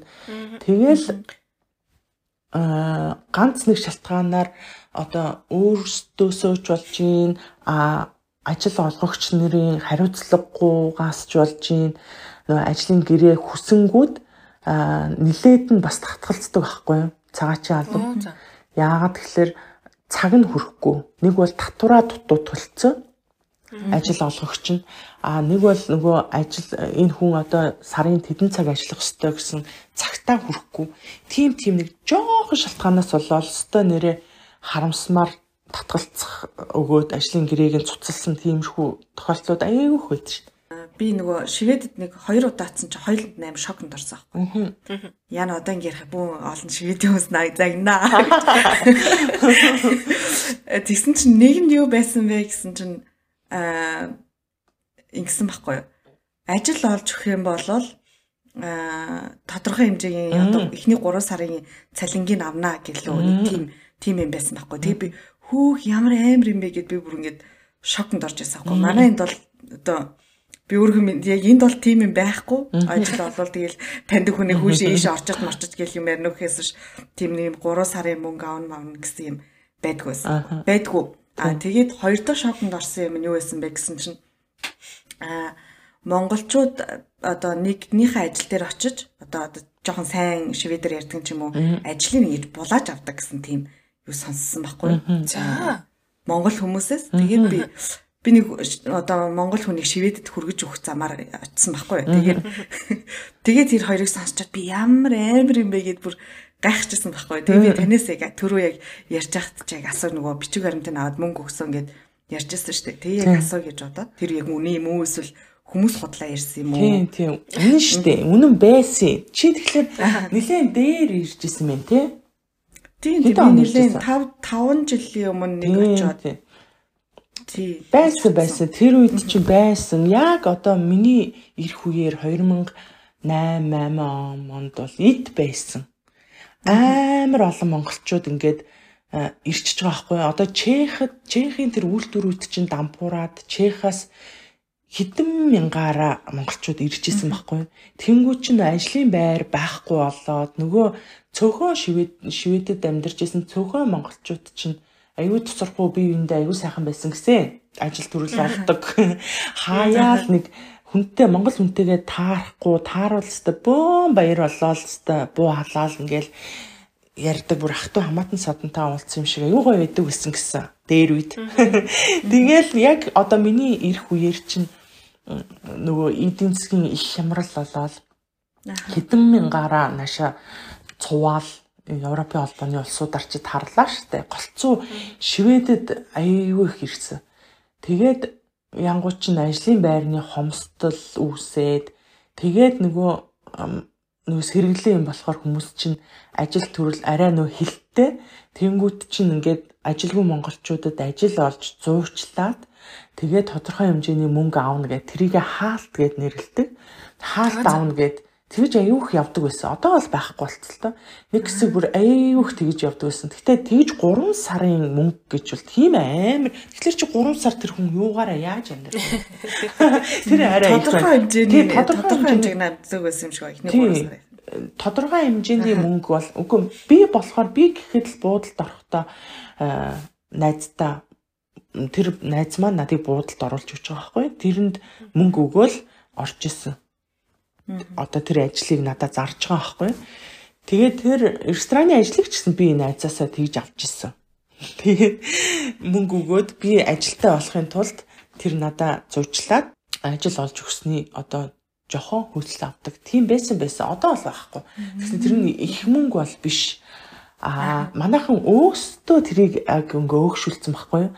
Ямар ч тийм тогтолцоогүй, ямар ч тийм байхгүй байхад ажил олж өгөөч нөгөө олон монголчууд болцсон нөгөө ажилгүйд л ихтэй ажил олж чадахгүй ингээ байж ангууд чинь зар дээр ажил олж өгөөч тэдийг өгье эдийг өгье гэд манайхан ч өөстөө тэгцсэн байхгүй. Тэнгүүд чинь хүмүүс за ажил олоод өгөх юм бол тэдийг авах юм байна эдийг авах юм байна гэ. Тэгээд тэр нь явсаар агаад бүр ёс юм шиг хаалт гэдэг юм балаар юм гараад ирсэн. Тий айгүй балаар ш тэр муухай нэр мэрзээ болцсон байгаа. Тий бүр нэр мэртэй.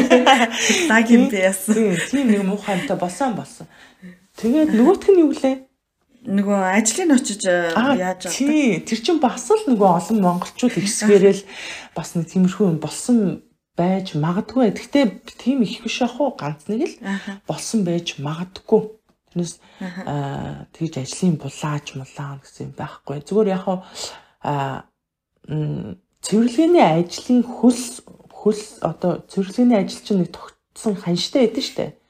Тэнгүүд нөгөө ажилгүй удцсан хүмүүс чинь нөгөө ханшийн унгаагаад арай бага үнэлгээгээр цэвэрлэгийг нь хийдэг ч юм уу нэг тиймэрхүү тиймэрхүү юмнууд бол сонсогддог байсан шүү. Тэгж тэгж одоо цэвэрлэгээ хийлээ барьлаа гэж нөө зар мар дээр тиймэрхүү юм явдаг л гэсэн. Одоо харьцангуй гайгүй тийм сонсогдохгүй л Би түлстэй дээр үе мэдээлдэг явсан байна. Шивэд чүдээ. Хуучин бол тийм байсан байсан. Тэгээ одоо барай ичж таваг. Манай шивэдийнх ойлгоно. Манай шивэдийнх чи ойлгох шүү. Амар олоолаа, амар олоолаа гэдэгтэй та идчихээ. 10 хэдэн мянга гэж ах шиг байсан шүү. Яг нөгөө бүртгэлтэй бүртгэлгүй бол тэгэл хэдэн мянга байгаа мэдээгүй. Олуулаа гэсэн манайхаа. Тэгэл нөгөө шинэ жил минжил чи бас гоё болно шүү. Наадам маадам ёо. Монголд байгаа юм шиг л гоё болно шүү. Та одоо Монголоос гараад ингээд 10 гаруй жил 10 2 3 жил те. Аа. Болчхоор чин эргээд Монголдо амьдрах ер нь бодол хэрэг байдаг вэ? Ер нь хэрэг санах уу? Утгаар. Санаа шүү. Нэх гоё очоод бүр нэг суурин амьдрий гэхэлэр жоохон боломжгүй байна л да. Яг л нөгөө сүхээ эмнэлгийн хяналтанд байдаг байхгүй юу? Нөгөө бөөрийн хагалгаанд орсон болохоор сар болгон эм уудаг, э, сар болгон хагас жилдээ нэг удаа очиж үзүүлж нэг шинжилгээ өгдөг. Тэгээ өдөр болгон нөгөө эмээ угаал явж идэг. Тийм болохоор нөгөө эм эм эмч эмчтэй одоо эмнэлгийн байнгын хараа хяналттай болчихж байгаа байхгүй. Тийм болохоор Монголд суурин бол амьдрах боломжгүй. Аа тэгтээ ирж очиод ч юм уу тэгээд байх боломж бол бүрэн байгаа Би болохоор миний хүслээр бол би 100 болгон явмаар байдаг байхгүй юу? Хүүхдүүд аваад. Даач нөгөө олон олуулаа хүмүүс чи бас хэцүү шүү дээ ёо. Онгоцын цаанал мартлаас ахуулаад жахаад одоо нөгөө хоёр тий. Хоёр хүүхдийг хэд хүртэл хоёр хүртэл үнгүү байдаг лөө яадаг вүлээ? Тэр үнгүү хугацаанд нэг явж ирэхийсэн гэсээрээ адил нөгөө ковид мовид гэдэг юм худлаас. Тэгээ манайхан чинь нүсэр штэ долуулаа гэхлээр чил тэгэл онгоцны зардал явна штэ. Тэгээд очиод одоо юу идэж ууж юу хэрэглэхээ мэдэхгүй. Тэгэл тэрнээсээ айгаал явж чаддгүй штэ. Тэгээд нөгөө өөстөө явж чадахгүй болохоор уул нь бол нөгөө юу гэж битээ сөхөтөр ярьж ирсэн. Өөстөө энд нөгөө зундаа ажиллаа хийгээд Монголд ээж аав ах дүүнэр байгаа юм чинь хүүхдүүдэд явуулчихъя. Хүүхдүүд бүр монгол хэлгүй боллоо. Одоо 9-тэй 10-тай хоёр чинь хэцүү дээ монголоор ярихгүй. Тэгээ нөө монгол руу яв зам болгон явуулчихъя гэл айгүй гоё ярьсан байсан чинь ковидос болоод тэгээд худлаа болсон. Тэгээд Монгол руугаа байн очиж чадахгүй ч гэсэн тэгэл ээжигээ аавыгаа боломжоор хаяа хаяа авчраал тэгэл хөрхөн боч тийм үү. Тэрээс байнга л болдог бол нэрээ байнга л явчмаар байна. Тийм арга байна уу гэхгүй. Сонглоо сонглоо гэдэг яа. Бид нарыг ч айгу баян гэж бодож байгаа шүү дээ. Харин бид нарыг чинь яг тэгж боддог те. Гадаад Монголд байгаа хүмүүс хөрхэн амтан бид нар чи бас хэцүү шттэ гэж энд тэгээд нэг бол хийж бодож шээ 13 жил болсон гэхээр аа харин тэгж боддог те аян хүүхэн жасан чинь жил болгол 100 мянган евро цааш нэгэдэд юм биш үү хүмүүс те харин тэгж л боддог шүү нөө цалингийн бодоол тэгэл ямар ч нөгөө хэрэглээ зардлыг бодохгүй те тэр цалин чинь хэрэглээндээ л явцдаг байгаа шүү манайхаа гэл Аха. Бид гурван яриаг сонсоод магадгүй хүмүүст цагаачлал гэж зүйлийн талаар арай нэг өөр мэдлэгтэй болж авсан байж магадгүй гэж бодож байна л да. Ер нь янз бүрийн цагаачлал байд юм шиг байна. Тэг ингээл улс болгоноос янз янзаар өөр. Зарим нэг нь аа одоо нөгөө хойд солонгосоос ирсэн гэж гарч ирдэг гээл те. Тэгвэл би тэрийг мартчихсан. Тийм. Тийм тухайн усаасаа гарч ирсэн гэхээр заавал тэр улс руугаа нөө эргэж орох одоо боломжгүй болдог гэхээр хүмүүс хойд солонгос руу гарч ирдэг гэж би амар их сонсч ирсэн байхгүй. А таны хувьд болохоор зэрэг эргээд Монгол руу явах боломжтой гэдгээр бас арай өөр төрлийн цагаачлал байгаад тах шиг байна тийм үү? Тийм. Би болохоор Шведэд яг цагаачлал цагаачлалын шугамар бичүүгээрэмт оршин суух ирэх ч юм уу тийм авааг байхгүй. Аа тийм болохоор би болохоор нөө нэг сүхэ өвчний шугамар өвчнийхөө юугаар шалтгаанаар оршин суух эрх авангууд би болохоор дагаад гэр бүлийн хүн гэдэг утгаараа Монголоос очиод бичвэрнт авчиж байгаа байхгүй юу. Тэгэнгүүт чинь надаа болохоор тэр нөө улс төрийн цагаачлж байгаа болов янз бүрийн юм хамаагүй. Тэгтээ манай монголчууд ч гэсэн хамаагүй дээ. Нөгөө янз бүрийн амар амар түүх яриад зохиогоол орсон хүмүүс чинь тэгэл бич баримттай болцсон. Тэгэл ямар ч асуудалгүй тэгэл байдаг шүү дээ. Нөгөө янз бүрийн юм ярьснаа бүр мартцсан дараа нь яана юу гэж ярьлаг ороогдоод. Наа чи би яна би айгуул хийвэ барыг. Яна юу яриад тий аваад тэр чи бүр амар амар юм ярьж байгаа юм чи санаанд. Хамгийн амар хүнд детектив одоо юу гэдгийг амар аллага маллага одоо нөө кино шиг л юм ярьж орно шүү дээ үлэхэр бүр. Кино кино цаашаа юм л ярина. Тэгээ тэрийг гарч ирж байгаад юу ярьснаа он сар өдрөө айгуу сайхан бичдэг гэсэн манайхаа. Тэгэхгүй бол нөгөө дараа нь дараагийн ярьслан дээр одоо чи үнэн яг ийм юм туулсан болов яасан бол гэдэг чинь нөгөө цагаа чи хариуцж авсан хүмүүс чинь мушгаад асуугаад идэг гэж байгаа байхгүй юу. Яг нөгөө он сар өдрийн ч гэдэг юм уу одоо чи тэдний өдөр яг яг тэгэхэд яасан гэлээ ч гэдэг юм уу. Тэгээ нөгөө тэр чинь хүний үнэн амьдрал бодит амьдрал биш учраас тэр хүн чинь бичиж авахгүй л бол тэгэл мартан шүү дээ. Тэгэл ерөөсөө ярилцлага өгчөөл бичиж авдаг гэсэн шүү дээ манайхаа. Авдаг байсан гэсэн. Тэгэл тэр чи кино цаашаал юм ярина шүү дээ. Йоо, тэгэл тэр үедээ тухайн үедээ өстой. Бөөл инээдтэй инээдтэй яана тэгж ярьдаг байсан юм уу? Манайхаа одоо мэдчихэж байгаа сонсож байгаа хүмүүс нэрэл тийм байсан шүү гэд. Одоо сүүлийн үеийн ирж байгаа хүмүүс бол мэдхгүй яг яг иймэрхүү юмнуудыг сүүлийн одоо ирж байгаа энэ сүүлийн үеийн хүмүүс их гоё жаргаж ирж байгаа.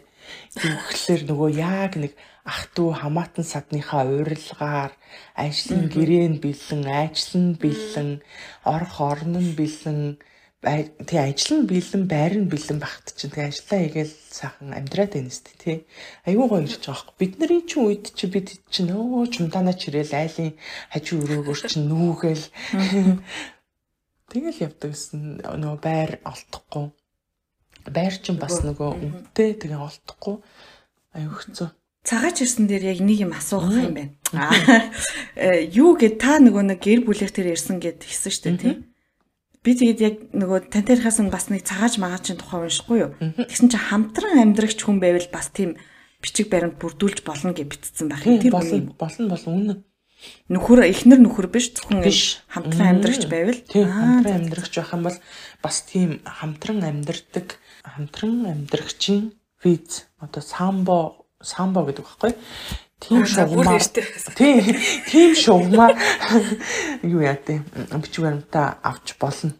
Тэгээд нэг бол гэрэлж аавна одоо оршин суух хэрэгтэй хүнтэй гэрэлсэн байвал бичиг баримттай болно. А нэг бол ажлын гэрээгээр бичиг баримттай болно. Нэг бол одоо яг наадах чинь хамтран амьдрахчаар бичиг баримттай болно. Нэг бол өвчний шалтгаанаар бичиг баримттай болно.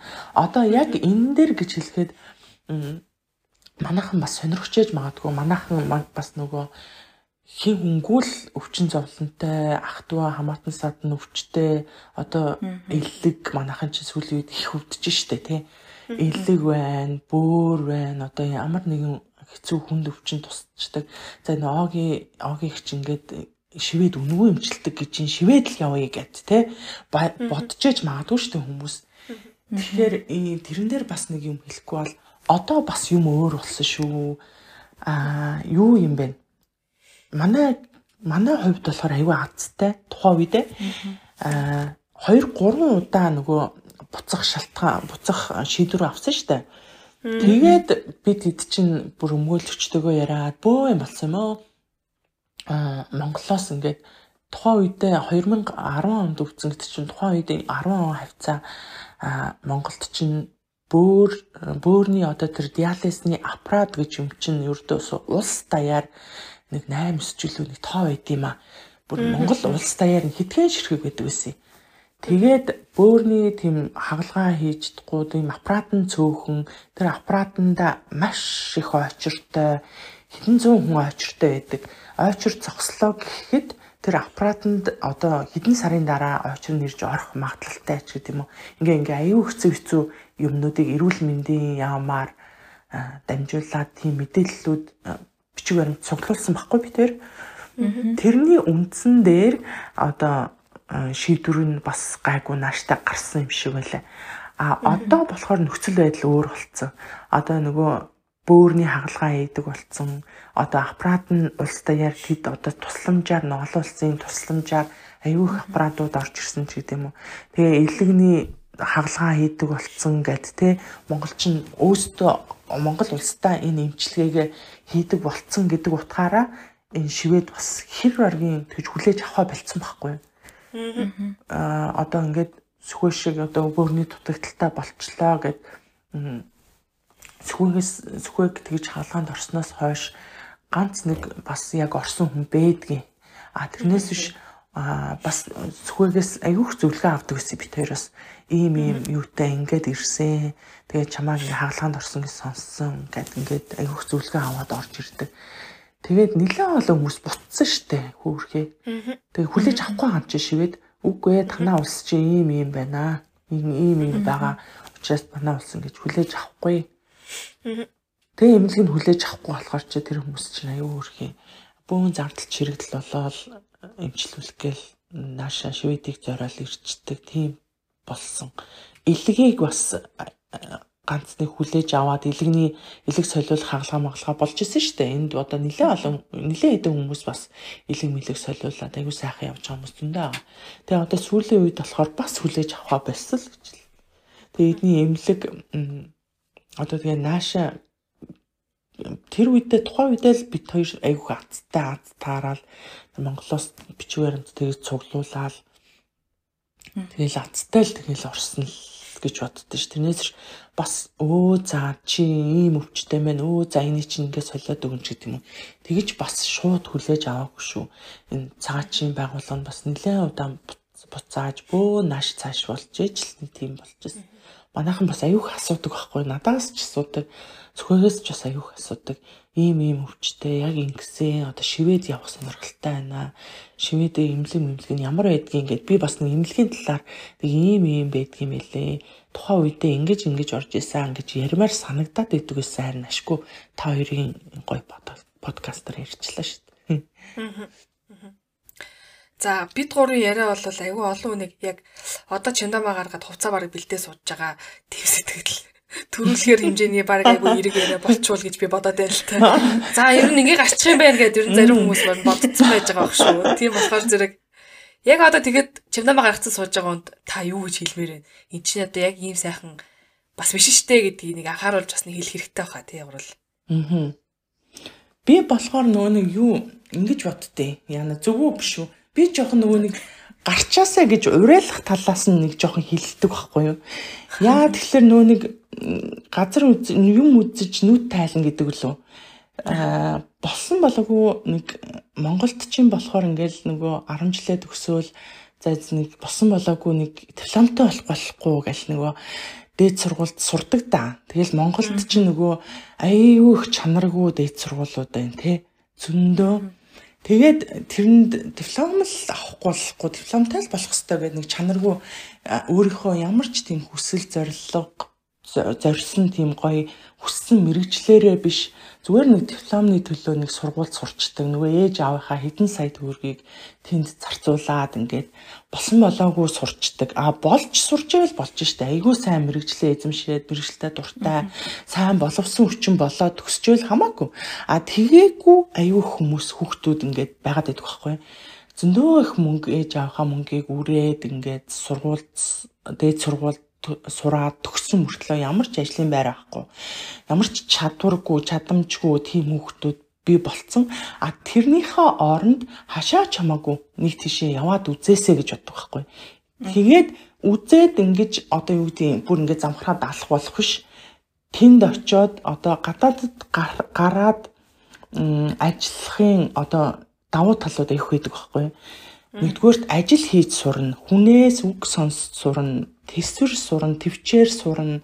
Одоо айгүй их юм сурдаг штеп. Гадаадд бие дааж сурна те. Ээж аавынхаа өвөрт ингээл нөгөө нана мөнгөгүй бол алуу ээж аав хоолны мөнгөгүй болчлоо гэл нөгөө ээж аваасаа ингээл авчдаг найс нөхөд одоо Монголд бол айгүй айгүй эрхэлж амьдардаг байгаа байхгүй амьдарч исэн байгаа байхгүй бүх юмд бэлэн зэлэн хэдий ингээл бүр нэг бүр аваач уцаад хангалуун баян тансаг амьдрахгүй ч гэсэн аюу хөрхөн болоод идэх байхгүй болгоол ингээл урсгалаараа явж идэг. А тэрний оронд би болохоор ингээд 20 эдтэй одоо 20 эдтэй хүнтэй суугаагүй байгаа дээрээ юм үзээд ажил хийгээд үзээсээ хүнд хэцүү ажил гэж юу байдгийг мөнгө гэж юу байдгийг те бас нэг амтанд нь ороод өөрийнхөө хүсч хөдөлмөрөөр ингээд ажиллаад амьдраад төсвөр хатуужил сураад ингээд үтцсэн байхад айгүй гоё болчих юм санагдаад байна. Би болохоор нэг тиймэрхүү юм уурал одоо нэг 20 эдтэй болсон болоогүй дээд сургууль төгсөж байгаа хүмүүсийг нэг тэгчээсэй л гэж боддتي. Хүмүүс жоохон ууралж магадгүй л дээ боловсрал хэрэгтэй. Юу яриад байгаа дараа дараа гэж магадгүй.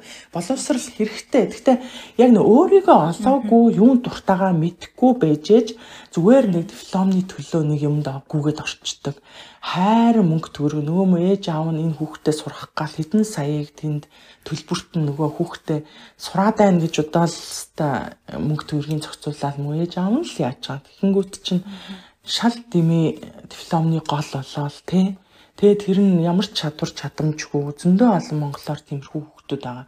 Тэрнийхээ оронд зүгээр юм үзэл ажил хийж сурах хэрэгтэй юм шиг байна. За нэг 5 жил Тэгээд Монголдо очоод одоо тэгж 5 жил ажиллахдаа одоо өөрийнхөө өөрийгөө олоод юунд дуртайгаа ямар мэрэгчлэр сурах ч гэдэм үү гоё байж тээ тэгжээд л тэгэл нэг гоё амьдралд хөл тавихад бэлтэх юм болов гэж боддتي. Тэрнээс ч тэгвэл одоо энэ Европууд ч нэг гоё штэ. Аа одоо Герман яадгийг мэдгүй Шведэд болохоор хаар багаас нь ажил хийлэгч чинь юу гэхлээр ингэдэг байхгүй юу? Одоо 10 жилийн хүүхдүүд штэ 8 дугаар анги, 9 дугаар ангидаа ингээд дадлагын ажил хийдэг байхгүй юу? Эднэр чинь өөстөө тэрийг олно. Одоо энэ газруудаар алтан байгууллага, дэлгүүр хоршоо, бар, ресторанаар яваад ингээ ажил байна уу? Дадлагын ажил байна уу? Би ингээд сурагч. Тэгээ дадлагын ажил хийх гэсэн юм. Тэнгүү чин тэр газар нь болохоор хүүхдэд ажлыг дадлагжуулах одоо юу гэдэг юм 7 хоногийн 1 2 хон цаг тэгээд баг цагаар ингээд ажилуулад тэгээ явангууд чинь тэр хүүхд чинь бүр 8 дугаар ангиасаа ингээд ажлын амт ажил гэж юу гэдгийг бас жоохон мэдрээд эхэлж байгаа байхгүй. Тэгэнгүүтээ э, тэгж явах хугацаанд өөрийгөө юунд дуртай, ямар сонирхолтой гэдгээ олдог ч юм уу, юу болох уу, юугаар цаашдаа сурах уу, ихтэй сургууль сургуульд орох уу, үгүй юу. Шведийн нэг тийм нөгөө дунд боловсрал дунд мэрэгжил гэдэг үлээ те. Тийм юм аягүй сайн хөгжсөн. Одоо ингээд хүүхдүүд чинь 9 дугаар ангид төгсөөд гимназид ордог байхгүй. Гимназ нь 2 үлээ 3 жилтэй. Тэгээд гимназид сурж байхдаа давхар мэрэгжил эзэмшээ гарчдаг байхгүй. Тэгээд дунд мэрэгжил гэх юм. Юу гэдэг үлээ тэр чинь? Тэгээд тэр мэрэгжлэрээ ажиллаж болж чинь аль эсвэл үргэлжлүүлж дээд сургуульд сурнаа гэх юм бол тэр гимназ нь бас өөр арай өөр чиглэлээр ингээд үргэлжлүүлээ сурахад болцоогийн нөгөөд а нөгөө дунд мэрэгжлийнх нь гимназ нь болохоор голцоо мэрэгжлийнх нь хичээлүүд ороод ингээс мэрэгчлэлтэн дунд мэрэгчлэлтэн болоод төгсчдөг. Тэгэл эднэр чинь хүнтэй суухгүй шивэдүүч чинь. Европууд ч угаасаа тийм штэ 30 40 40 нэлээд өгчээж гэр бүл зохион тэр болтлоо тэгэл ажиллаад амьдрал бүх юмаа үзэж нэх заастаа одоо л яг төлөвшлөө одоо л нэг сайхан ингээл өөрийгөө төлөвшүүлээл тэгэл нэг хүнтэй суух тиймэрхүү. Тэр нэг хэцүү юм санагдаад байдаг шүү дээ. Одоо тэгэл дөнгөж нэг 20-та 20-тай жоох юм бичиж тэгэл юу юу болоогүй хүнтэй суучдаг өөрийгөө ч мэдхгүй ээжиж яаж тэр ондоо хүнийг таньж мэдхвтэй тэгэл хоёр биенээ ойлгохгүй. Ээл нөгөө үл ойлголцол болоод тий Тэгэл нэг тиймэрхүү тиймэрхүү юм байна. Байна гинэ ми бодлоо тиймэрхүү хүмүүс жоохон санал нийлэхгүй л байх л та зарим нь тэгээд би нэг тиймэрхүү бодож явдیں۔ Миний нөгөө хар бараан үлдсэн шивэдийн дурсамж нь та айгүй гоё айгүй гоё надаа юу өглөө. Одоо юу гэдэг. Амар гоёор төсөөлөх юм уу? Нэг юм хөөх ийм хүн бас бэдэм байж тээ тийм ингээл хамаг юм яриад хамаг юм ингээл хүмүүс зааж өгвөл ингэдгий шүү тэгдгий шүү. Ингэж манайхан би адаг энэ дээр анхаараарай ч юм уу тий одоо маш олон шивэдэд хараар амьдарч байгаа хүмүүс ч гэсэн хараар гэхээс айгу муухай сонсогдож магадгүй. Бичиг баримтсаа амьдарч байгаа хүмүүс бас байгаа бах тэгээд тэр хүмүүс ч гэсэн өө би ингээ ажлын гэрээтэй олчвол бас болох юм байна гэсэн мэдээлэл гэдэг юм уу одоо тийм үнгүй бараг айгуу гой зөвлөгөө өгсөн танд бүр баярлаа гэж хэлмээр байна. Тэрнээс иймэрхүү зөвлөгөөнүүдийг ер нь хаанаас ч уншаад олж авдггүй штэ. Тэгээ эсвэл монголчууд юусоо хэлдэггүй ч юм уу. Тэгээ нөгөө би нөгөө хард дурсамж гэдэг юм би Шведэд очиад нэг хүнийг юм асуух гээд хөөе гэсэн чинь цухтаацсан байхгүй нэг жоо надаас. Тэгээ би тэрнээс хойш ингээд айгаад байдаг байхгүй. Харин тийдэг гэж. Тэгээ би яг хоёр удаа очихдаа яг нэгэн дээр нь тэгэж нөгөө юу яагаад яг тэгэж нэг залуу хөөе гэсэн чинь надаас цухтагаал болсон. Тэгээд тэнд байсан монгол хүмүүс наа чи монголчууд хоорондоо юм ярьдгүй маа ярьдгүй маа гэд нөгөө жоох юм ярьсан. Тэгээд би аа гэд нэг аа гэс нэг тийм юудаал үлдсэн байсан чинь. Хөөх юм чинь бас арай өөр юм байна тий айгу юм тосрох хүмүүс байт юм байна гэж тэр айгу. Бороо чаас багтгүй баг тэгээд маш их баярлаа гэж хэлмээр байна. Чи яг тэр нэг шилжилтийн үе дээр ирсэн байгаа байхгүй. Яг нэг ирсэн байна. Шилжилтийн айгүй тийм нэг шилжилтийн уучраа олоогүй үе дээр ирсэн байгаа байхгүй. Одоо бол шал өөр айгүй гоё штэ. Одоо бол монголчууд би энийгээ хараад мэдтэй устай хүү хаа энэ тэрэ гэд. Тэгээ би би нэгэ удцсан болоо ш тэр юм аюух нөгөө таньдаг болцсон. Яг ингээл танихгүй ч гэсэн нөгөө нэг юу зүс мэддэг болцсон. Тэгээл өө тэр энэ явж ийн гэл ингээл. Тэгээд мэдтэй устай тийм байд штэ. Яг чи нэг яг тэр давтгааны яг ирсэн байна.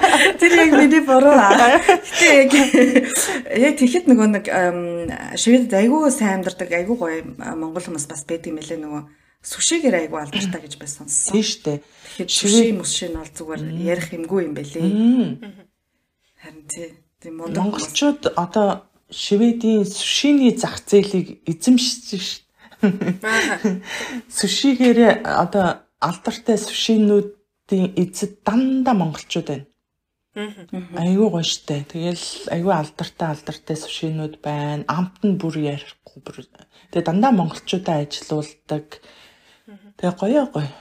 Нэг үе бодвол одоо тэр үед л яг л нөө ажлын гэрээ хийгээл ингээл уучраа олохгүй явж исэн нөгөө хар хар бичиг баримтгүй хүмүүс чинь нэг хэсэг бүгд бөөнөрөө бичиг баримттай болоод тэгэл хэргээл нөгөө ресторанууд нэгэд нэгээл өөрсдөө нөө ажиллаад туршлагатай болсон ажлын туршлагатай болсон тэнгуү чи өөрсдөө ресторан нээгээл ресторан нээхэд чи нөгөө бичиг баримттай болцсон, орсон суух хэрэгтэй болцсон болохоор бүх юм нөгөө хамгийн гоё нь Шведийн бүх тэр хууль, дүрм, эрх бүх юм тэр хүнд үйлчилж байгаа байхгүй. Тэгэхээр нөгөө компани байгуулад өөрийн гэсэн хувийн бизнесээ эхлүүлэх тийм боломж нөхцөл нь бүгд хангагдаад ирж байгаа байхгүй.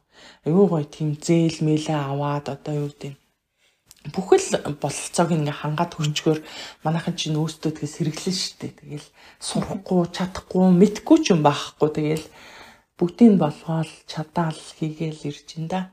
Хийж ин да. Миний бас нэг одоо шведтэй холбоотой дурсамж гэх юм одоо би ч нэг шведийн хэл дээрээс буцчихсан бас хүн байхгүй. Үгүй тийм үү. Тэгсэн байхгүй. Чи яриаггүй ш тэрийг. Би өстөө тэрийг яриаггүй байна. Тэгээд Facebook дээр пэйж дээр л нэг нийтлэл болгож оруулж ирсэн юм. Германд анх ирчээд нөгөө нэг улаан өндөгний баярын амралтаар жигтэйхэн юу аадаг хүн болол нөгөө нээшээ юу Норвег юу мө бүгдийг үздэг хүн болол явсан байхгүй юу? Норвег Дайн э, юу гурыг Швед гурыг. Тэнийг түүр аяллаа оюутнууд нийлж байгаа явдаг. Автобустай явдаг. Тэгээд тэгсэн чи би ч нөгөө нэг Германаас Нидерланд руу гарахад зөвхөн нөгөө юугаар үзүүлчихэл Тэ ерөөс шалган малган баахгүй тэгэл зүгээр л визээ үзүүлчихэл явхад болчих юм ингээ ойлгочихгүй. За ингээ шингээний орнод бол тэр чигээр ингээл ерөөс ямар шалгалт болголт байхгүй байна гэж мэгээл аялалтаа гарахтаа хэрэг болгож пассвортаа үлдээж мэлдээж гарч манаа заяа. Юм яаж үтгэв салгаж хайчих магадгүй ингээл. Салгаж байгаа тийм яг хайчин майчны тэгээд мэгээл гараа явсан байхгүй юу ёо. Тэгэл тэгсэн чинь нөгөө нэг усан гоцоор юугаас германаас юу нь бол юу л гараад тийшээ шивэд рүү гараад тэгээд тэгснэ бишээ дайл руу гараад. Тэгээд дайнасаа цаашаа шууд шивэд рүү ороод тэндээсээ аялна эхлэх байсан баггүй тойрох аялна. Тэгээд тэгсэн чинь ягаад ч юм аз олж аз олж гэх юм уу да э, юунд дайнд юусоо шалгалт таараагүй. Тэгээд цаашаа шивэд рүү ордог хэсэгтээс цагдаа нар ороод ирдэг байхгүй юу юун дээр? Автобус нь. Тэгэл би ч лаг виз барьсан сууж илаа. Тустай шүү дээ нөгөө паспортын тустай визэн тустай юм чинь. Виз барьсан сууж исэн чинь таны паспорт жаана гэлдэг тоххой тэгс чи би би паспортыг гэртээ үлдээсэн гэлдэг байхгүй. Тэгсэн чи А за та одоо бууна гэлдэг тоххой. Тэг би хүү яаж байгаа гэлдэг тэглээ. Нэг амар айлж өгч явах чи тээ. Би юус харлахгаагүй. Би ич үйдтэй юм. Тэгсэн чи за та бууна гэлдэгсэн тэр автобуснаас нэг хоёр би нэг заяа. Хоёр нэг ад залуу ингээ хоёр хүмүүнээ буулгаач. Яаж ингэ тэгсэн нөгөөх маань паспортынхаа хугацаанд дууссан байж дараа тэрийг мэдэхгүй гарцсан нэг одоо хятад залуу заяа. Би болохоор зэрэг паспорттай мөртөө паспорт албаар үлдээж гарсан нэг хоёр хүн үлдсэн. Манай Аазууд уу? Тийм манай. Тэгээд хоёр эмийг үлдээгээд тэгээд бид хоёр чинь цагдаа магдаа болол явчаа. Зааж юу болж ийн гэл тэгсэн чинь танаас хүн үрчрээл та. Ямар зоригтой шийд рүү орж ирж байгаа гэл тэгс би би зүгээр л аялах гал явж ийн гэх нэг өөрөвч өөрцөн гацсан. Тэгс надад итгэхгүй юм чаа Танаа усаас амар химийн нөгөө нэг одоо хууль бусаар ингээм амьддаг хүмүүс байдаг учраас ер нь бол та нар шалах ёстой мостой энэ гэж мгээл нэг цагдаагийн бүдгэрээ авчаал явуулчлаа. Тэгэл тэгсэн чинь яагаад э, цагдаа нар нүрчиж шалгаснаа би үнэхээр л өмнөө ярьж байгаа юм чинь. Би ингээд ингээд сууртгаа тий ингээд анх удаа ер нь бол гарч үзэж байна. Одоо тэгээ та нар намайг дуучлаараа би ингээд туршлага гутсан байна гэдэг ч байгаа байхгүй. Тэгсэн нөгөөдөл чинь за шивэд дийлэр оруулахгүйгээ надад юу бичиг өгөөд амар тийм амар шивэд юм уутай бичсэн бичиг одоо хүртэл надад байдгийг би тэр хадгалж идэх юм. Дарааш та орохдоо зарлалтаагаар орноо гэж бодоод. Тэгээд бид хоёрыг буцааж нөө юу руу явуулаад усан огцон суулгаж руу оруулаад тэгээд автобус маань эргэж нөгөө дайн дээр ирэхдээ бид хоёрыг авч цаашаа герман руу орохоор болоод би дайнд 3 хончоо бутчихсэн ч яваас тэгээд. Тэгэхээр чи хар бараанаар орох уу? Харахад дурсамж шүү дээ. Йоо, Шведтэй ямар новшин юм бэ л гэсэн үү? Тэгсэн би. Ээ би зүгээр л орол гарч ирлээ. Би яахчгүй шүү дээ гэдэг юм чи баг. Л яа гэж утцсан юм утцъя гэл яасан бол та тэр үедээ. Гэтэ өстө муухай дурсамж байна. Та хоёр өстө онцгүй үеэр онцгүй дурсамжтай байна. Дараа өстө над дээр ирээрээ. Тийм дурсамжинд гоё алгана бит хоёрын одоо шивэдэх дурсамжийг ийм сайхан болгож чи бусд хүмүүст бүр илүү сайхан одоо мэдээлэл болохоор айгүй гоё олон олон мэдээлэлүүд өглөө гэж бодож байна. Тэгээд магадгүй бит хоёр асууж амжаагүй та хэлмээр байсан тийм зүйл үлдсэн ба сүүлийн хооронд танд үлдээ. Аа манайхан чин болохоор би бас л нэг жоохон зөвлөгөө маягийн л юм хэлэх гээд байна. Яа 40 жоохон гарахаар жоохон зөвлөх дуртай болчихдог үгүй юу? 30 анхаар тэгдэм байлээ. 40 анхаар баха. Яг л нөгөө юм байна уу гэсэн чинь зөвлөгөө л орж ирэх юм. Юу юм бэ наа? Манайхан эрүүл мэндэ ерөөсө боддгүй юм байна. Гадагшаа гараад ингээд ажиллахаар яг л нөгөө ажил манайхан чинь яг л одоо ажиллаад гадныхан одоо гадны ажилчид чинь яг ажилласан мөнгөө зөвхөн өөртөө зарцуулаад зөвхөн өөрийгөө болгоол ингээл явдггүй. Манайхан ч ар гэр одоо Монголтой ах トゥ аав ээж хамаатан садан бүх ар гэрээ авч явдаг хүмүүс чинь ажилдаг, монгаар гэрлөгөө мөнгө төгрөг явуулдаг. Тэгээ эрүүл мэндийн өрөөдөөсө ботхоо болчт юм билэ. Тэгээ хүмүүстэй ингээд хэлэхэд эрүүл мэндэ бодоод амралт ажиллаад зөв зохицуулаад ажиллаарэ. Тэгээд эрүүл мэнд эрхэм баян шүү гэж хэлмээр байна. Тэгээд Шведэд амьдарж байгаа монголчуудаа бүр онцгойлоод аа юм хүрэгчт юм билүү арын алгадаад тийм тэгээд бүхэл нөгөө гадаадд байгаа монголчуудаа бас бие бодоод ажиллаа сайн хийгээд хүссэн зорьсон бүх юмаа биелүүлээд их нутагтаа очоод ихийг хийгээд бүтээгээд эх орондоо бид нар чинь нөгөө нэг яадаг штэ тэр нь ч гоё энэ ч гоё. Монголд маань байвал ямар гоё. Тэрийг ч Монгол руу авчигдмаар санагдаал. Энийг ч Монгол тиймэр санагдаал те бүр ингээд бүхэл юм нь гоё санагдаал. Бүхэл юм нь Монголдоо суурьшуулмаар санагдаад идэг яг тэр нөгөө хүсэл болгоноо биелүүлээд хүссэн бүхнээ Монголдоо аваачаад Монголоо хөгжүүлээсээ. Тэгээд одоо бүгдэнд наад жаргал хүсэдэ танаа влогийг танаа подкастыг зөндөө олон хүмүүс сонсож байгаа. Угаасаа. Тэгээд бүгдээрэнд нь өдрийг сайхан өнгөрүүлээрэ гэж хэлье да. Тэгээд та хоёртаа бас баярлалаа. Айгуу гоё. Гоё шүү. Хайртай шүү гэж хэлүүлье. Аа хайртай шүү. Гоё шүү. Тэгээд гоё ийм төсөл эхлүүлсэн. Тэгээд ийм гоё төсөлтөө бас ингээд тоогоод, ураад, ингээд оролцуулаад ингэж бас миний нөгөө нуршуу яриаг ингээд залхахгүй сонссонд баярлаа гэнэ. Ерөөс нуршаагүй та өөрөө бас аяга гоё ярьд юм бэ. Тийм гэсэн үү? За ашгүй дээ юу. Би чинь бас агуу ярина штэ бас нөгөө нэг үг мүгээр дахин дахин давтаж хэлээ. Нэг үгээ яасан их ярьдаг. Нөгөө блог дээр яасан их нөгөө тамшаалдгийг, яасан их нуршууин гэдэг байхгүй. Би тэгээд нөгөө нэг аль болох нуршихгүй байх юмсан л гээ ярьлаа. Тэгээд таалагдах байхаа гэж бодож байна. Баярлаа. Тийм. Таны нөгөө өөрөөр байгаа яг өөрийнхөө влого хийдэг ч юм уу тийм байдал магадгүй аюу олон татдаг байхаа гэж бодож байна. Тийм болохоор хүний нэг ганц хүний хэлсэн шүүмжил ч юм уу тийм их юм дээр нэг ажил бодлохгүйгээр өөрийнхөө л байгаараа гэж хүсгээр байна. Тийм учраас хайртай байдаг шүү танд. Баярлалаа. За хоёр дээр ерөөл төвшүүлье. Түрүүс бүх ерөөл бат авшгээ. Биш яг юм нөгөө Монгол ардын яг юм жинхэнэ үгээр ярьсан чи бас сонирн байх шүү. Ерөөл төвшүүл юм шүүлээ гэсэн чи. Ерөөл өргөн барья гэдэг. А ерөөл өргөн барья. Тий, та хоёрын инээд гоё дээ. Бас бас л тачигд л инээ шүү та хоёр. Хөөрхөн инээд шүү. Гураасаа тэгвэл уулзаж удахгүй нэ. Харин тэгээ шведэд уулзаж заяа. Манай швед чинь зундаа их гоё дээ. 100 ирээрээ. Өвөл мухай уйтгартай. Мухай юу? Өвөл аягүй уйтгартай ийш таранхуу болчдөг болохоор юм тийм уйтгартай, чимээгүй, дүнсгэр тийм штэ. Тэгээд аа 190-ээрээ манай шивэдээр зочлоорой. Тэгээд 100 очил тань руу яачи зүгээр. Тийм. Огийн хичмэн гэлээ гэдэг. Тийм. Гэл стори оруулчихъя. Тэгээд огийн хичод хамгийн гоё сүши бариалаа. Сүши бариад гэснээс их чин нэрээ сүши сүшиний бизнес лөө хөл тавьсан. Оо за за за амжилт хүсье. Вау. Тийм баярлаа. Тэгээд тавих гад эхэлж байна. Ямар ч гэсэн нэг суши ресторантай болно гэсэн зорилготой нөгөө бар жилдээ баахан баахан амлалт зорилго тавьчаал сууж ин да. Тэгээ эхнээс нь нөгөө зорилгоо биелүүлэх гээд ямар ч байсан ресторантай болъё гээд одоо нөгөө нэг дүүгэх ресторанд ажиллаж Аа тэгэлээ зундаа. Тэрс начиналч та. Зундаа ирээд ажиллаад. Нэрэ тийм тиймэрхүү сантай байгаа. Тэгээд Ямар ч та хоёр 100 э, ирэхээр бол хилээрээ чинь бол тосоол авна. Тий.